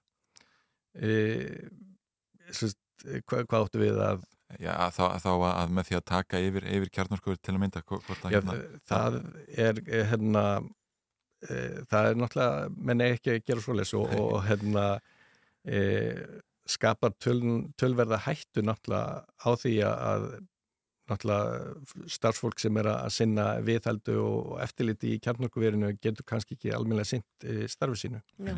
Og, og þeir sem er að vinna í Tjernobyl til dæmis að, að hérna, ég heldur sem bara sama vaktin búin að vera þar heilengi já, einmitt, Það einmitt. þetta verður heilmikil áhrif. Gísli Jónsson hjá Geislaverðum Ríkisins, takk kærlega fyrir komuna í morgunúttarpið. Við förum að skipta yfir á fréttastofu. Já. Það eru áttafréttir sem að, að býða okkar. og ræði síðan við Jón Bjarka Bentsson, aðalhagfræðing Íslandsbanka og Birgjör Smárásson, umhverjus og auðlundafræðing og fastjóra hjá Matís á Akureyri um annars vegar fæðu öryggið og efnaðslu áhrif innrásarinnar. Einmitt, við erum mikið að velta fyrir okkur uh, þessum málum í dag og höfum svo sem verið að því frá innrás. En fyrst fréttir. Morgun útvarpið á Rástvö. Jú, jú, áttafréttir að baki og morgunútarpið heldur hér áfram, við vorum að ræða geislavarnir ríkisins, að ætlum núna að, að já, eftir nokkrar mínúndur að ræða við Jón Bjarka Bentsson, aðalhagfræðing Íslandsbanka og Birgjörn Smárásson, umhverjus og auðurlinda fræðing og fagstjóra hjá Matís á Akureyri, en eh, já, við veltum fyrir okkur orkuörgi Íslands og Evrópu í tengslu við innrás rússa í Úkræn í gær, en ætlum svona að, skoða í dag já, fæðu öryggi og efnagslögu áhrif innrásarinnar. Því Úkræna er jú eitt stærsta kornframlegslu land Evrópu. Við erum svo sem áður rætt efnagslögu áhrif innrásarinnar bæði rætt við Magnús Harðarsson forstjóra kaupallarinnar og Ásker Brynjar Torfarsson doktor í viðskiptafræði um þessi mál það verður áhugavert að, að heyra í, í þeim Jóni Bjarka og, og Birgi eh, já, um stöðu mála. Einmitt, en fyrst ætlum við að heyra Eisitt Trú í flutningi Guskus. You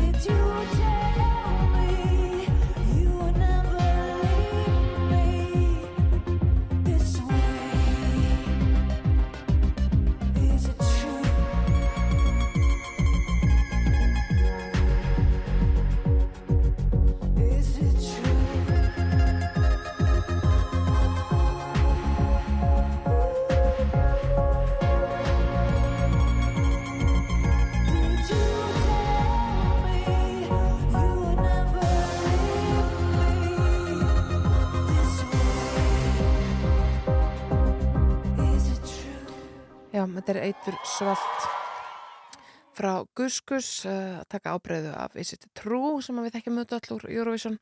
En í gær veltum við fyrir okkur orku örgi Íslands og Evrópu í tengslu við innrás rússa í Úkrænu en þetta ætlum við að skoða fæðu örgið og efnahagslegu áhrif innrásusinnar því Úkræna er eitt stærsta kortframlistuland Evrópu. Svo eru alls konar spurningum varði áburðamál og fleira þessu tengt. Þannig kominninga til okkar Jón Bjarki Benson, aðarhagfræðingur Íslandsbanka og að línunni hjá okkur er Birgir Öll Smárasson, um, umhverjus og öðrundafræðingur og fagstjóri hjá Matís á Akureyri. Verði velkominir báðu tver. Uh, ef við byrjum kannski bara á uh, þér, Jón Bjarki, sko þessi efnahagslegu áhrif, það eru þetta miklu efnahagsþvinganir í gangi og svo framvegis en en hvað höfum við séð svona uh, fyrir okkur sem búum hér á landi á þessum fyrstu tól dögum þessa stríðs? Það sem gerist náttúrulega fyrst og, og almenningu verður var við fljótt er að, að verðið á dælunni á, á bensinni og dísel hækkar. Mm -hmm. Oljufélun hafa vissulega einhverja byrðir og, og reyna að mýkja svoleiðis högg en það er, er venjulega fljótt að gerast og, og verðreyfingarnar eru svo stórar að það er áhugamilegt að, að við verðum fljótt vör við það. Við erum búin að fá uh, já, ráolíu upp um 100%, hún er búin að tvöfaldast í verði núna nánast á, á uh, þremur, fjórum mánuðum. Og, og það er áhugamilegt að, að fólk verði verði óþeimlega vartið það. Og, og sá, sá kostnaru þetta fer svo áfram inn í til dæmis uh, flug inn í almenni sangöngur og, og verður á endanum býstna víða, víða vartið en bara sá eini í rauninni sá eini flokkur af vörum. Já, já, og, og þetta er vantlega áhrif á, á verðbólguvendingar bankans? Já, það er óhugkamilegt að, að, að, að er já, þær hafa vestnað enn og voru náttúrulega að búnar að súrna allra hatt fyrir. Vegna þess að, að það verður líka að hafa í huga samengið að áður en að stríði skall á og sá verð uh, nikkur sem hefur komið á á ráfurur uh, orku og, og, og, og allskynsvörur Mm.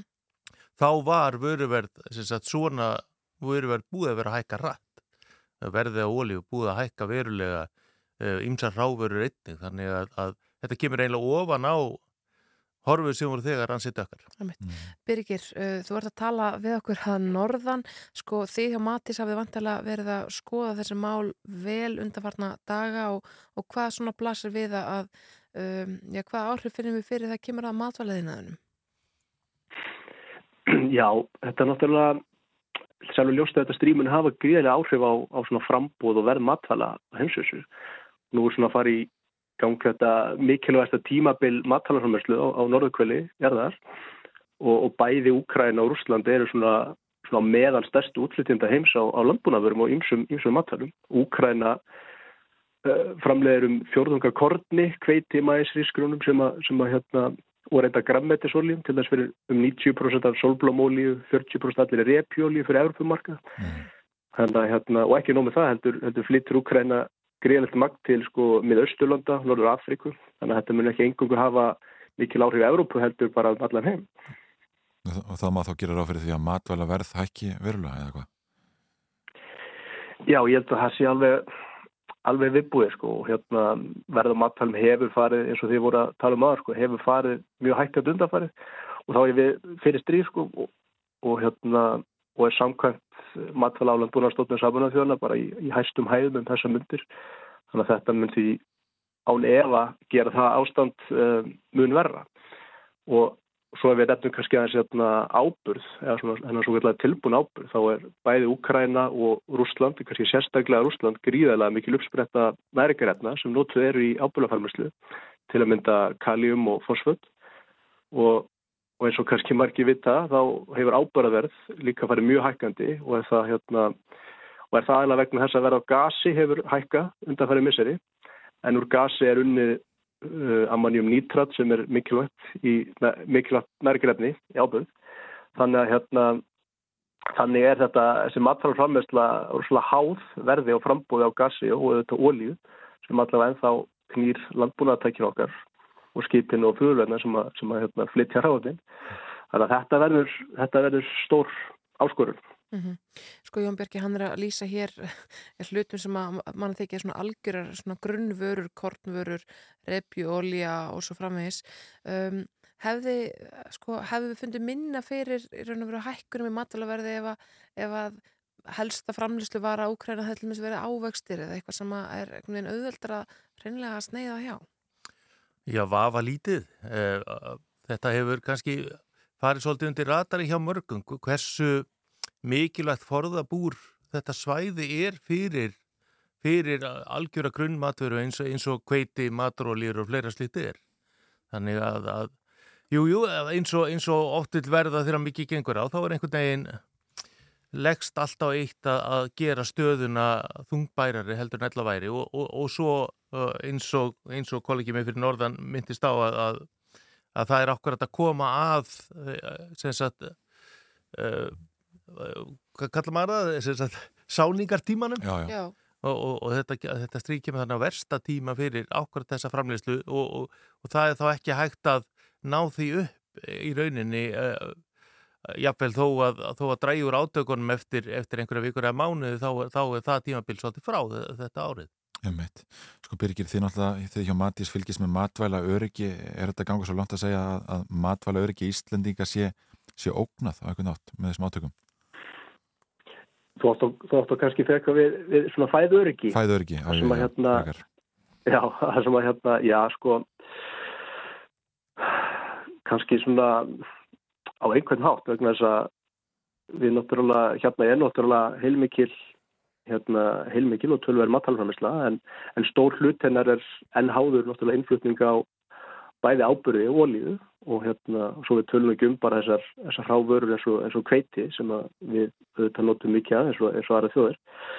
En tækifærin eru auðvitað heilmörg, sé svona litið til Evrópu og, hérna, og Ísland sérstaklega kannski og, og við hjá Matis höfum til dæmis markvist unnið að hérna, mörgum verkefnum um, um sjálfbæra matalaframlöslu sem snúa því almennt að gera matalaframlöslu umhverfisvætni og sjálfbærari eh, finna, þróa, koma markan í hráöfnum í matvæli úr áður óþegstum eða, eða vannýttum auðlindum, eh, auka frambóð á hérna, eh, matvælum, næringarefni sem eru framleita á þennan sjálfbæra hátt og, og svona kannski bara til þess að vera skýr þá með, með sjálfbjarni hér á ég við að þetta sé framleitt þannig að við, við göngum ekki auðlundir, séum ekki háð ósjálfbærum auðlundum eins og olí og gasi við framleiðsluna og svona myndum þetta náttúrulega jafnvægi.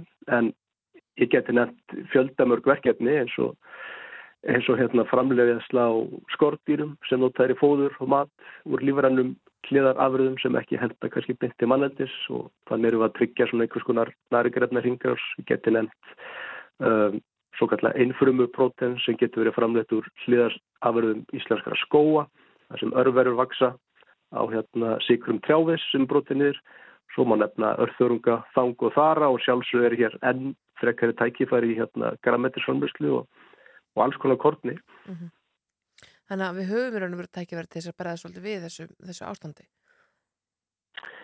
Við höfum það og hérna það er ekki spurning og það er það þróun sem er búin að vera, í gangi í, í tölvöru tíma, við erum alltaf í átta þessari, bara í átta þessari meiri, meiri sjálfbarni og hérna og kannski langt með aðeins að nefna líka uh, að koma aftur á ábyrði því, því nú er áskorðunar þar mjög miklar og við hjá Matti sem við verið að vinna í því undarfærið tvö ár ásand sterkunni til samstagsæðila að þróa lífarannan umhverfisvaran ábyrð sem, að, sem getur henda bæði til langaræslu og beint tún. Við erum að vinna svolítið með seiru eða bara einfallega kúk sem myndir flokka sem vannýtt öðlind því að kúkur hefur jú umtalsvist næringar hérna og hérna og fyrst og fremst erum við að skoða fiskjaldi seiru þar sem, sem fellur til við landendistöðar og er síða frá og við höfum prófað þetta með mjög góðum árangri og hyggjumst fara enn í þessi fræði núna með því að blanda saman mismundi lífrannar ströyma og ná svona búið til svona heilstaðan ábyrð með góðu jafnvægi nærgræðna. Sko Jón Bjarki, hann, Birgir hérna er að lýsa mjög spennandi svona tækifærum sem að, að við hér á landi getum gripið til. Eh, eru við að einhverju leiti betur stakk búin til þess að, að sko svona takast á við þessar efnahagsfingarnir sem að Evrópa og við þar á leiðandi eru saminuð í að beita rúsa eða, eða eru við verri stakk búin? Nei, við erum, erum betur í, í stakkbúin heldur en flestöðinu vestranlönd í einu mjög mikilvægu tilliti og það er það að við erum sjálfum okkur nóg með uh, orku til heimilisnota Já. og til uh, auðvitað uh, framleiðslu og, og atvinnustar sem er líka. Uh, það er, er stór hluti af, af verbulgu þróuninni, þessu, þessu verbulgu skoti sem er að verða í Európu og, og getur auðvitað valdi bara verulegum búsifjum og, og, og, og, og harðindu fyrir eurósk heimili, sérstaklega þau sem mjög litlu hafa voru að spila ef að verðið á eldsneiti og ramagni til heimilisnota já, hæ- hækkar enn meira eða minnst kosti lækkar ekki aftur frá þeim háu verðum sem við höfum séð undanfæri. Þarna erum við í vari með okkar heimili því að, að þau eru eh, flest hver kynnt með eða hýtu með hýtu vatni og ef ekki því þá ramagni og auðvitað ramagnið okkar er, er uh, framleitt hér innan lands og, og, og verð þróun á því hefur verið mjög svona hækfara hækkandi. Þannig að það er vissulega blessun sem að við búum að og auðvitað uh, hafandi uh, þessa, þessar reynu orku okkar þá getum við líka nýtt hana væntal í vaksandi mæli til ymmit meðal annars meiri matvalframlislu hér innanlands og fjölbreytari. Já, já. Við höfum talað töluvert um, um eldsneiti hérna og flugvila eldsneiti hækka náttúrulega gríðala og, og, og svona íslensku flugfélagin hafa ekki farið varhlut af þróun mála. Eh, sko, nú er einhvern veginn, það er að koma vor og, síðan kemur sumar. Eh, má búast við því að, að færa þjónustan taki ekki vissir eins og vonu stóð til eða, eða má gera ráð fyrir því að, að fólk vilja einmitt koma hinga til lands í sumar og, og að, að þessi fyrirtæki dafni. Og það er, það er ómulett að segja á þessu stíi. Það er, það er, er hægt að leggja upp með báða sviðsmyndinar mm. og, og, og uh, uh, vissulega held ég að, að óvissan sjálfsig kannski ekki síður ástæðan fyrir lækkurinni á, á, á til dæmis uh, gengi flugfélagana Mhm. heldur en endilega að markaði séu búnir að teikna útvírætt inn færri ferðamill dæmis og svo er það auðvitað elsneitiskostnaðurinn að, hafa bara bein áhrif á, á, á restra niðurstöðu félagann næstu mánuðum. En, en hvernig þetta spila svona innbyrðis feru þetta uh, að stóru hluta eftir því hvernig átökin þróast. E- ef að, ef að þau réna ef að einhvers konar niðurstaða kemst fyrir vorið þá uh, höfum við séð að ferðavili hinga er auðvitað mjög fljótur að taka við sér við höfum séð það áður og, og, og Íslandur ofalega á ratarnum fyrir, fyrir uh, ferðafólk. En, en ef að, ef að átökinn dragast á langin eða, eða Guð fór okkur harnaðin frekar þá verður auðvitað hættana á, á setni bata ferðarþjónustuna meiri. En kannski er rétt að, að halda því til haga að að í stóra saminginu þá er þetta nú ekki, ekki stærsta áhyggju efni okkar. Nei, nei, Við erum vel sett hérna á Íslandi með marga aðra með hækjörfi sem er komið í góðan gang og, og, og, og þessar áhyggjur auðvitað blikna í samanbyrði við þær hörmungar sem er að ganga yfir fólk í, í Úkrænu. Já, það heyrist allavega að þið eru tiltöla bjart sinir báðir tveir. Birgir Örn Smárásson, umhverjus og öðlindafræðingur og fagstur hjá Matís og Agurir takk kærlega fyrir að vera línunni að norðan. Og Jón Bjarki Björnsson aðalhafræðingur í Íslandsbanka. Takk kærlega fyrir að koma til okkar hér í hljóðveri efstaleiti takk. Uh, Við förum að skipta yfir og heyra frétta yfirlit og svo ætlum við að fá til okkar Silju Báru Ómarsdóttur til þess að ræða uh, já, stöðu Biden í- eins og hún er, sem hún blasa við þessa dag Já, já, og hvernig bandarækjastjórn hefur já, hagað sínum málum í þessu stríði. Einmitt, og svo verður hjá okkur Sævar Helgi Bragason, okkar, okkar kæri hér með sitt fasta vísinda horn. Um, hann ætlar að tala um plast en hann ætlar líka að tala um uh, stöðuna eins og hún blasir við. En fyrst eitt lag. you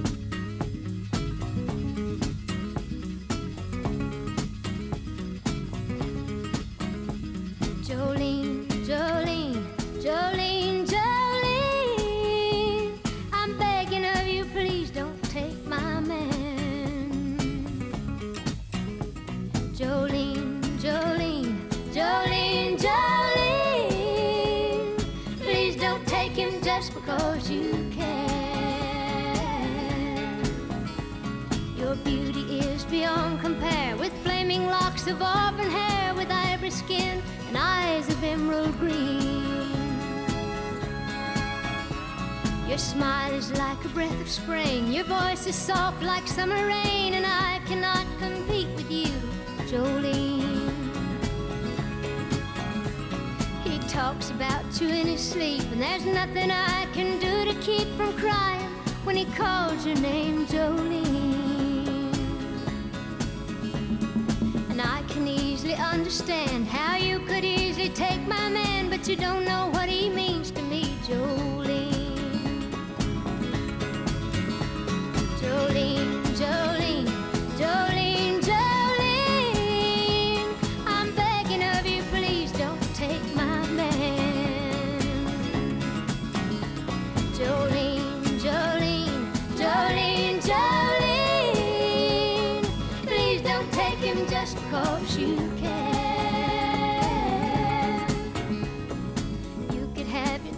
Of men, but I could never love again. He's the only one for me, Jolene. I had to have this talk with you. My happiness depends on you and whatever you decide to do. Jolene,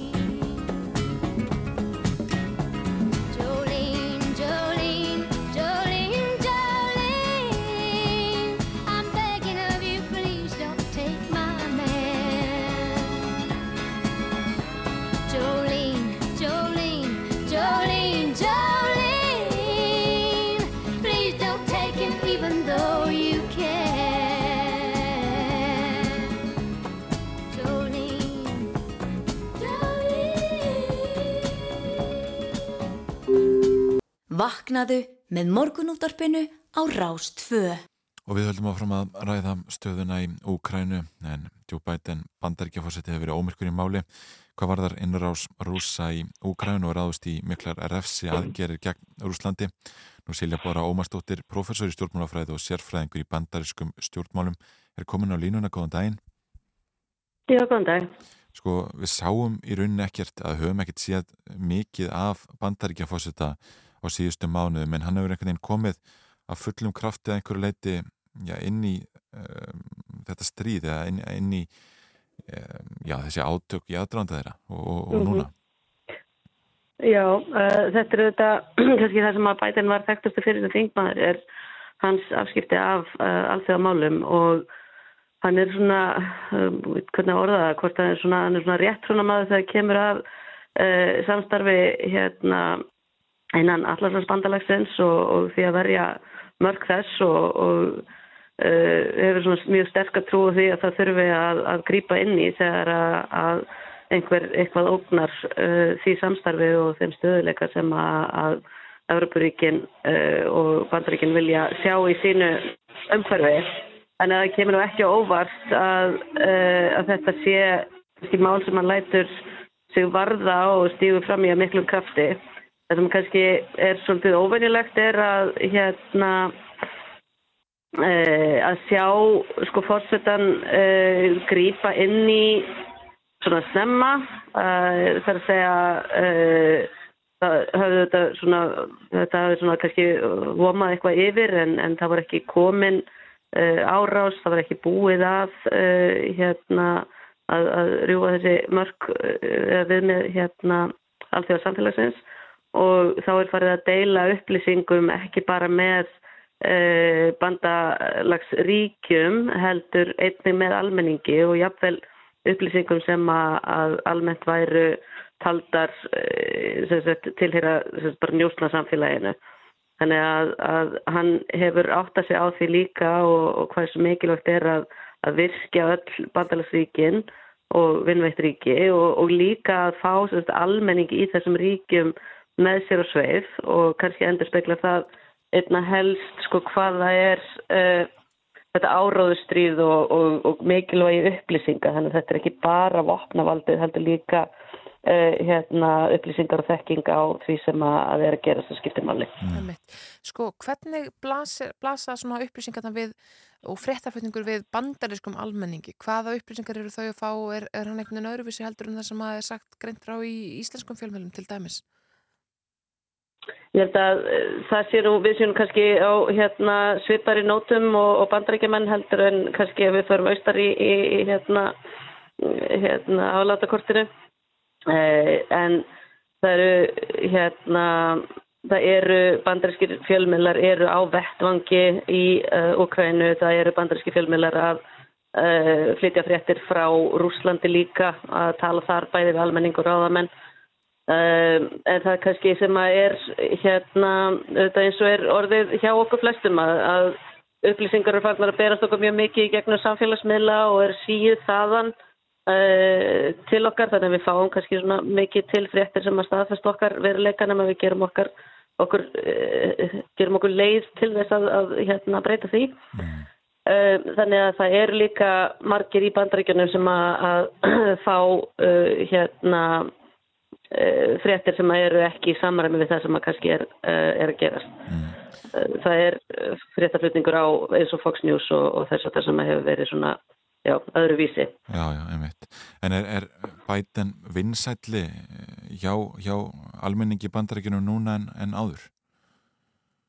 Hefur Þetta stríðið einhver áhrif ekki á vera það? að, að hérna, þetta verðist ekki vera allavega alveg í fljótu bræði það er uh, það sem er á ennsku kallað rally around the flag effect. Það er að segja að hérna, í átökum að þá verði þjóðarleituar vinsælli vegna þess að fólk vil stiðja sitt, uh, sitt heimaland í átökum.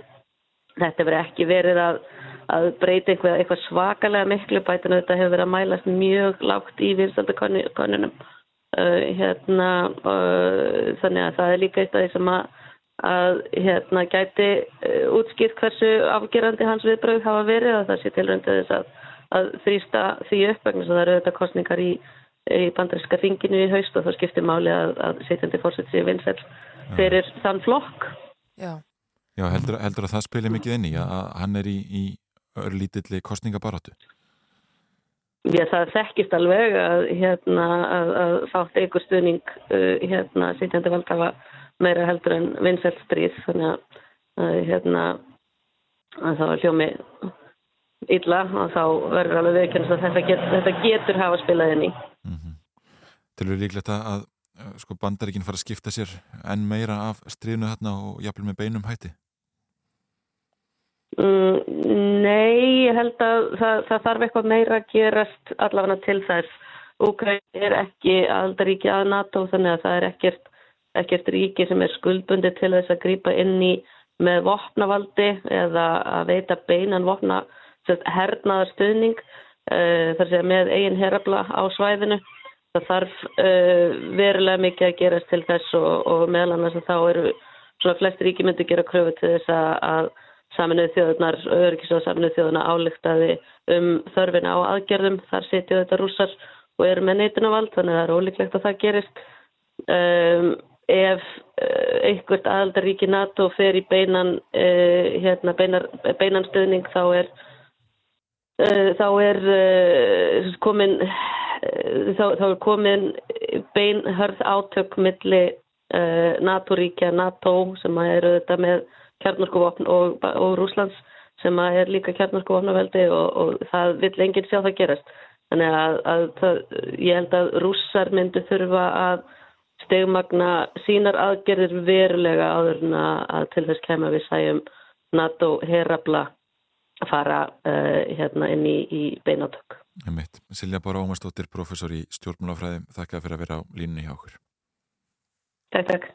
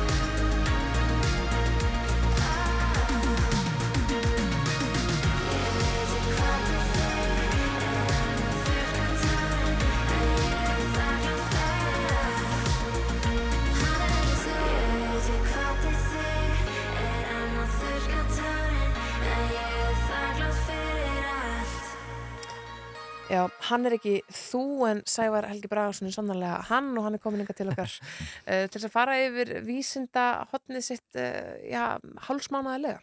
Velkomin Sævar. Já, þakka ykkur kærlega fyrir. Hvað ætlar að segja ykkur í dag? Her, Eitthvað- ég, eitthvað skemmtilegt. Já, ég skal reyna að vera á skemmtilegum nótum og jú, við skulum bæði vera á svona tiltúla jákvæðum nótum og, og svona aðeins neikvæðari nótum. Ok, En Það er bara það sem fylgir Já, svona já. með hvernig ástandi í heiminum er. Já. Og hvort er að byrja á jákvæði eða neikvæði? Ég bara neikvæði og Jú, það- það. jú, endum þetta hérna á einhverjum jákvæðum Já, ég held að það sé alveg nöðsynlegt.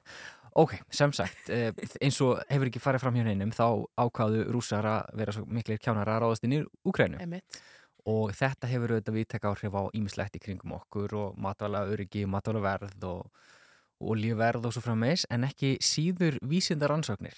Að því að rússar eru auðvitað stóri þáttakendur í mörgum mikilvæga vísindasamstarfi sem tengis hvort sem er bara líffræði eða loftlagsvísindum eða gemvísindum og uh, af, afleðingarnar af þessu til dæmis í gemvísindum gæti voru svolítið miklar Mhm. að því að til dæmis rússar, bandarækjumenn og Evrópa og fleiri þjóður eru samstagsadalar um alþjóðlegu geimstöðina og nú um stundir eru held ég tveir rússar í geimnum á samt fjórum bandarækjumennum og einum Evrópubúa Mhm. og það er talið að þetta muni svona ef eitthvað dregst á langina minnst ykkursti hafa talsverið áhrif á framtíð geimstöðurinnar því rússar hyggjast draga sig út úr henni og svona hafa hótað því að draga sig út úr samstörunni árið 2024 út af til dæmis þvingunum, viðskiptaþvingunum og slíku. En hérna þeir hafa líka séð um að flytja geimfara til og frá geimstöðinni með Soyuz eldflugunum sínum frá Rúslandi og nú er náttúrulega verið að skrúa svolítið fyrir það þannig að það þarf að koma bandarækjumanni heim núna í lok þessa mánar, 30. mars sem að lendir með Soyuz í Rúslandi Já. og það er svolítið svona spurning hvernig farið verður á því Það verða vandræði. það gæti orðið einhver smá vandræði en, en hérna, eh, þetta hefur hingað til verið svolítið svona friðsamlegt samstarf hann á milli og pínlítið svona óháð pólitíkin nú er pólitíkin og þetta strísireksturinn farin að hafa áhrif á það hvernig framtíðin verður Já. og hún er alveg pínu óljós Eh, það sem segjan kannski mesta uh, pyrringin veldur er uh, fyrirhuga gameskot Rosalind Franklin Jeppan sem er európskur marsjeppi. Og hún mátti skjóta loft núna í september-oktober þessu ári. Og gemisindastofnun Európu er eiginlega búin að gefa það út að það verður ekkert af því gameskot, gameskoti og ef ekkert verður af því þá þarf að býða í allavega tvö ár rúm til þess að næsta tækifæri komi upp. Mm. og það er nú þegar búið að fresta þessum leðangri um já, fjögur ár það átti að fara á loft árið 2018 svo fresta til 2020 svo aftur til 2022 Þetta er bara einhver gummul drusla Já, en það það, kemst það út. liggur við sko. Þetta er reyndar mjög klassist með svona game rannsóknir að hérna, tæknin er alls ekkert ný sem fer í þessa jeppa á svona vegna, bara vegna þess að ferðlir allt svo langt. En lendingar eining þessa jeppa er rúsnesk líka. Þannig að þetta er samvinnuverkefni Evrópu og rúsa og nú er bara búið að setja þannig að leiðangur því miður í hættu á samt fleiri öðrum rannsóknarleiðangurum út í sólkerfið.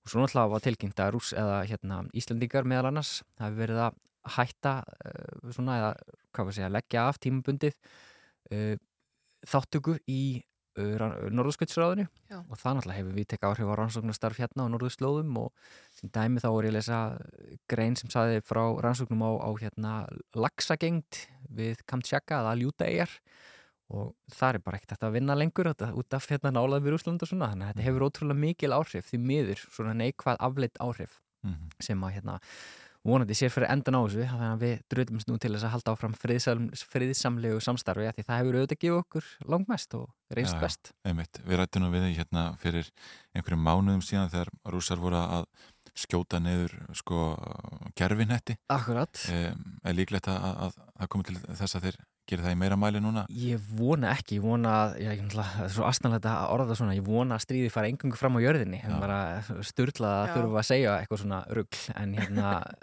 ég vonandi verður, verður þeir ekki að skjóta niður einhver gerutunglu og setja uh, sína eigin áhöfn, af því það er nú fyrirhuga Gamesko 2000, og, uh, núna 18. mars með þrjá rúsneska geimfara til geimstöðurinnar og þá verða þeir allavega fjórir tímambundið, þannig að, en maður veit aldrei, ég, bara það er ómögulegt að segja en, en hérna eh, slík heimskupör eiga náttúrulega aldrei eiga sér stað Nei. þetta setur bara ekki bara gerutunglu önnur í hættu heldur líka bara líf og limi geimfarana sjálfra Við rættum það aðeins þetta í morgun sko að, að þetta væri svona þessi fína lína um, að láta Rúsland verulega finna fyrir eh, sko fyrir eh, óanæju alþjóðarsamfélagsins með þeirra svona Já, já. um, en samanskapið vera ekki að láta hérna það er aðgerir bitna endilega á sko saklsum rússum sem hafa ekkert með þessar já. að gera og, og jafnvel eru mjög andvíð þessu stríði og svo framvegis Mhm. um, sko hvað með alltaf þessar rússnansku vísindamenn sem þú ert að tala um og geimvísindamenn þetta hlýtur að vera fólk sem hefur bara unni mjög náið með uh, Já, já, já, já. Evrópu, öðrum Evrópu þjóðum og, og hérna Já, bara þeirra líf, lifi brauð veldur á því að það sé gott samstarf hann á milli því þau eru öll í saminu, verkefnum sko. Þannig að þetta er bara þingri en tárum taki fyrir þetta fólk að sjálfsögðu og maður sér bara hálpartinn grátur og milli samstagsæðala, hvort þessum eru Evrópumenn, bandrækjumenn eða, rússar Já. sem að þurfa þú núna allt í hérna að stoppa samstarfu sitt og veist, geta í raun og verið ekki unni vinnuna sína sko. og það er auðvitað hræðilegt sérstaklega þegar fólki náttúrulega ekkert endilega að styðja þessar aðgerðir.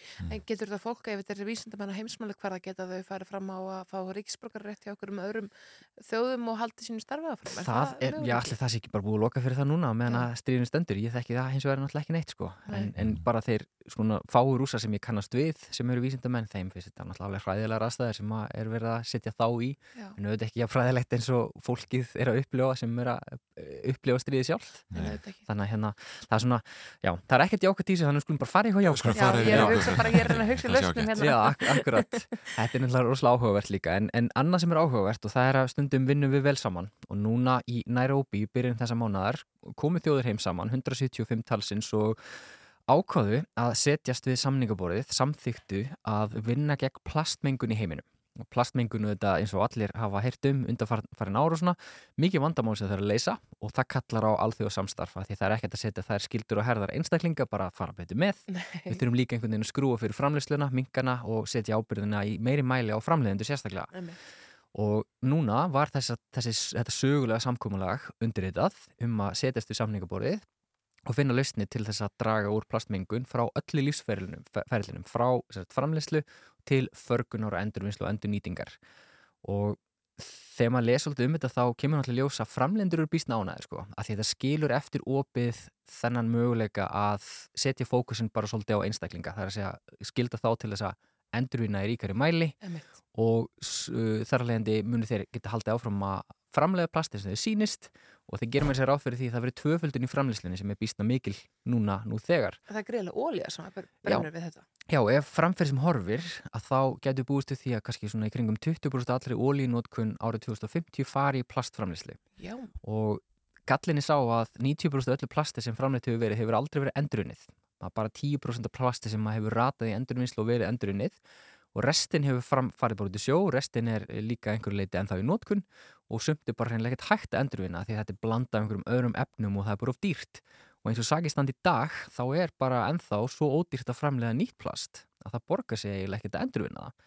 Og það er náttúrulega einhver marka, markasbresti sem þessir samningar koma vonandi til með að, að svona adressa. En til dæmis bara dæmi Coke, Pepsi, Unilever og Nestle þau eru áfram um að draga úr framleysla á nýju plasti sem hins vegar frumframlendu plasti sem eru ekkert ánæði með heldur vilja þau halda þessu áfram og, og varpa ábyrðin á frekar endurvinnslu. Þannig að þetta er svolítið svona flóki vandamál og svo eru líka bara ríkin sjálf ekkert alveg sammála um hvaða eh, aðgerið þarf að grípa til. Európa-sambandi er best til dæmis fyrir því að við hugsa meiri hringrás þar að segja að það verði mingu framleyslan á plasti en þjóður eins og Japan og Indland og svona vilja ekkert endilega fara þá leið þannig að það verður áhugavert að sjá hvernig þessi samningar líta á endinum út og Ísland hefur verið býstna svona áfram um að koma þessum samningum í gegn vegna þess bara við þekkjum það hérna með plastmengum við ströndin okkar sem ákveðt endilega rætur ekki til okkar Nei. en líka frá okkur. Og að þetta er bara alheims vandamál sem við þurfum öll að leysa í sammenningu og sýnir okkur líka það að eina leiðin sem við höfum til þess að hafa verulega áhrif á umhverfismál í heiminum er einmitt að setjast við samningaborðið og taka ákvörðun saman um að leysa vandan af því að það er engin einn þjóð sem getur gert þetta allt saman og það líka kannski jafnvel skerði samkeppnisæfi þjó, þjóðurinnar eða fyrirtækina ef þau ætla ein að hugsa út í þessi mál og menn engin annar gera það. Já, já. þannig að það þarf einhvers konar gjöld og kvata og fleira til þess að vinna að buga vandamálun og við höfum dæmi í sögunni þar sem það hefur nákvæmlega verið gert og skilaði árangri. Til dæmis Stockholm samþyktin sem að bannar nótkunna á DDT skórið í reytrinu uh, Montreal samkúmulæð og nú er talað með um þetta Nairobi samkúmulag sem svona mikilvægsta alþjóðu samkúmulæð í umhverjusmálum síðan bara Montreal og París og hérna Montreal var náttúrulega það sem bannaði ósanneðandi efni þannig að við höfum séð að þessar alþjóðu samþyktir skipta máli og þær leiða til lausna jafnvel þó að fyrirtæki og fólk sé stundum andvíkt þeim út Mhm. af einhverjum ástæðum og það er svona svolítið fyndið efnahagslegum, efnahagsleg, já, já. ástæðum. en það er líka einmitt svolítið skondið sko að lesa söguna og sjá til dæmis hvernig DuPont sem framleiti frejónu sínum tíma Já. Sagði og var með heimsendarspár fyrir sitt fyrirtæki Já. ef það skildi ban, banna frejónefnin en það rættust auðvitað ekki og hérna við berjumst alltaf gegn svona framförum á einhverjum ástæðum að því við getum ekki séð fyrir okkur heiminn öðruvísi heldur en í status quo Já. og það kannski bara svolítið þarf að breytast og þetta er vonandi fyrsta skrefi í þátt og jákvæð frétt af umhverjusmálum sem, sagt, sem að Já, já. okkur veitir ekki af Ég held að þetta sé að, ágætt og, og fín loka orð hérna hjá okkur. Takk fyrir komuna, Sævar. Takk fyrir. Já, uh, við komumst ekki lengra í dag og þurfum, að skipta yfir á fréttastofuna og ég gerir ráð fyrir að Þórður Helgi verði með morgunverkin hér ræss og kátur á eftir. Já, já, við erum búin að fara við í þættinum í dag að rættum já, geislavarnir, rættum uh, já, fæðu öryggi og efnaðasmál við Jón Bjarka Bentsson og Birgi Örn Smárasson. Já, Fórum, ég rætti við Bergþór Ólason um, um tímasetningu kostninga. Emitt. Og svo rættum við við Stellu Samúnsdóttur framkvæmta stýru UN Women uh, um uh, stöðu kvenna í stríði því að í dag er alþjóðlegu dag, barða kvenna 8. mars og uh, á þeim nótum þá uh, endur við þáttinn til að hafa mikið með daginn konur. Já, og þökk fyrir samfélgina í dag.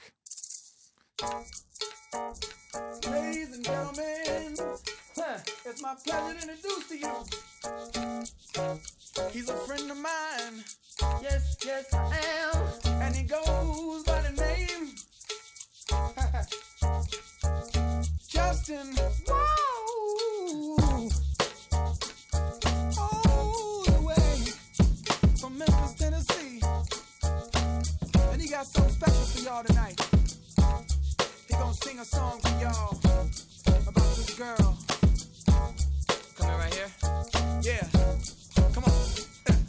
that sunny day, didn't know I'd meet such a beautiful girl walking down the street. Seen those bright brown eyes with tears coming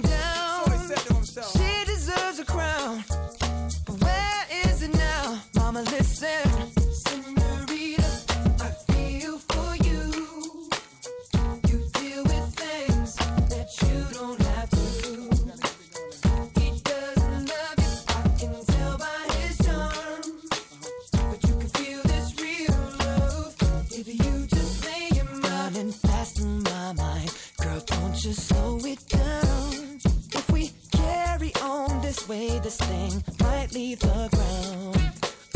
How would you like to fly? That's how queen should ride. But you still deserve the crown. Well, hasn't it been found? Mama, listen.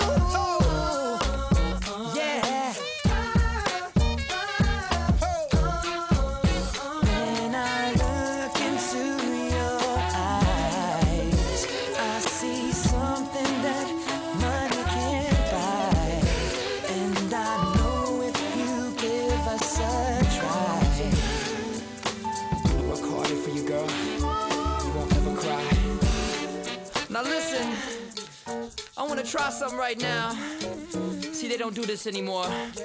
I'm gonna sing something, and I don't want the guys to sing with me. They go, it feels like something's heating up. Can I leave with you? And then the ladies go, I don't know what I'm thinking about. Really leaving with you. Guys sing, it feels like something's heating up. Can I leave with you? And ladies, I don't know what I'm thinking about. Really leaving with you. Feels good, don't it? Come on. It feels like something's heating up. Come on. Can I leave yeah. with you? Ladies,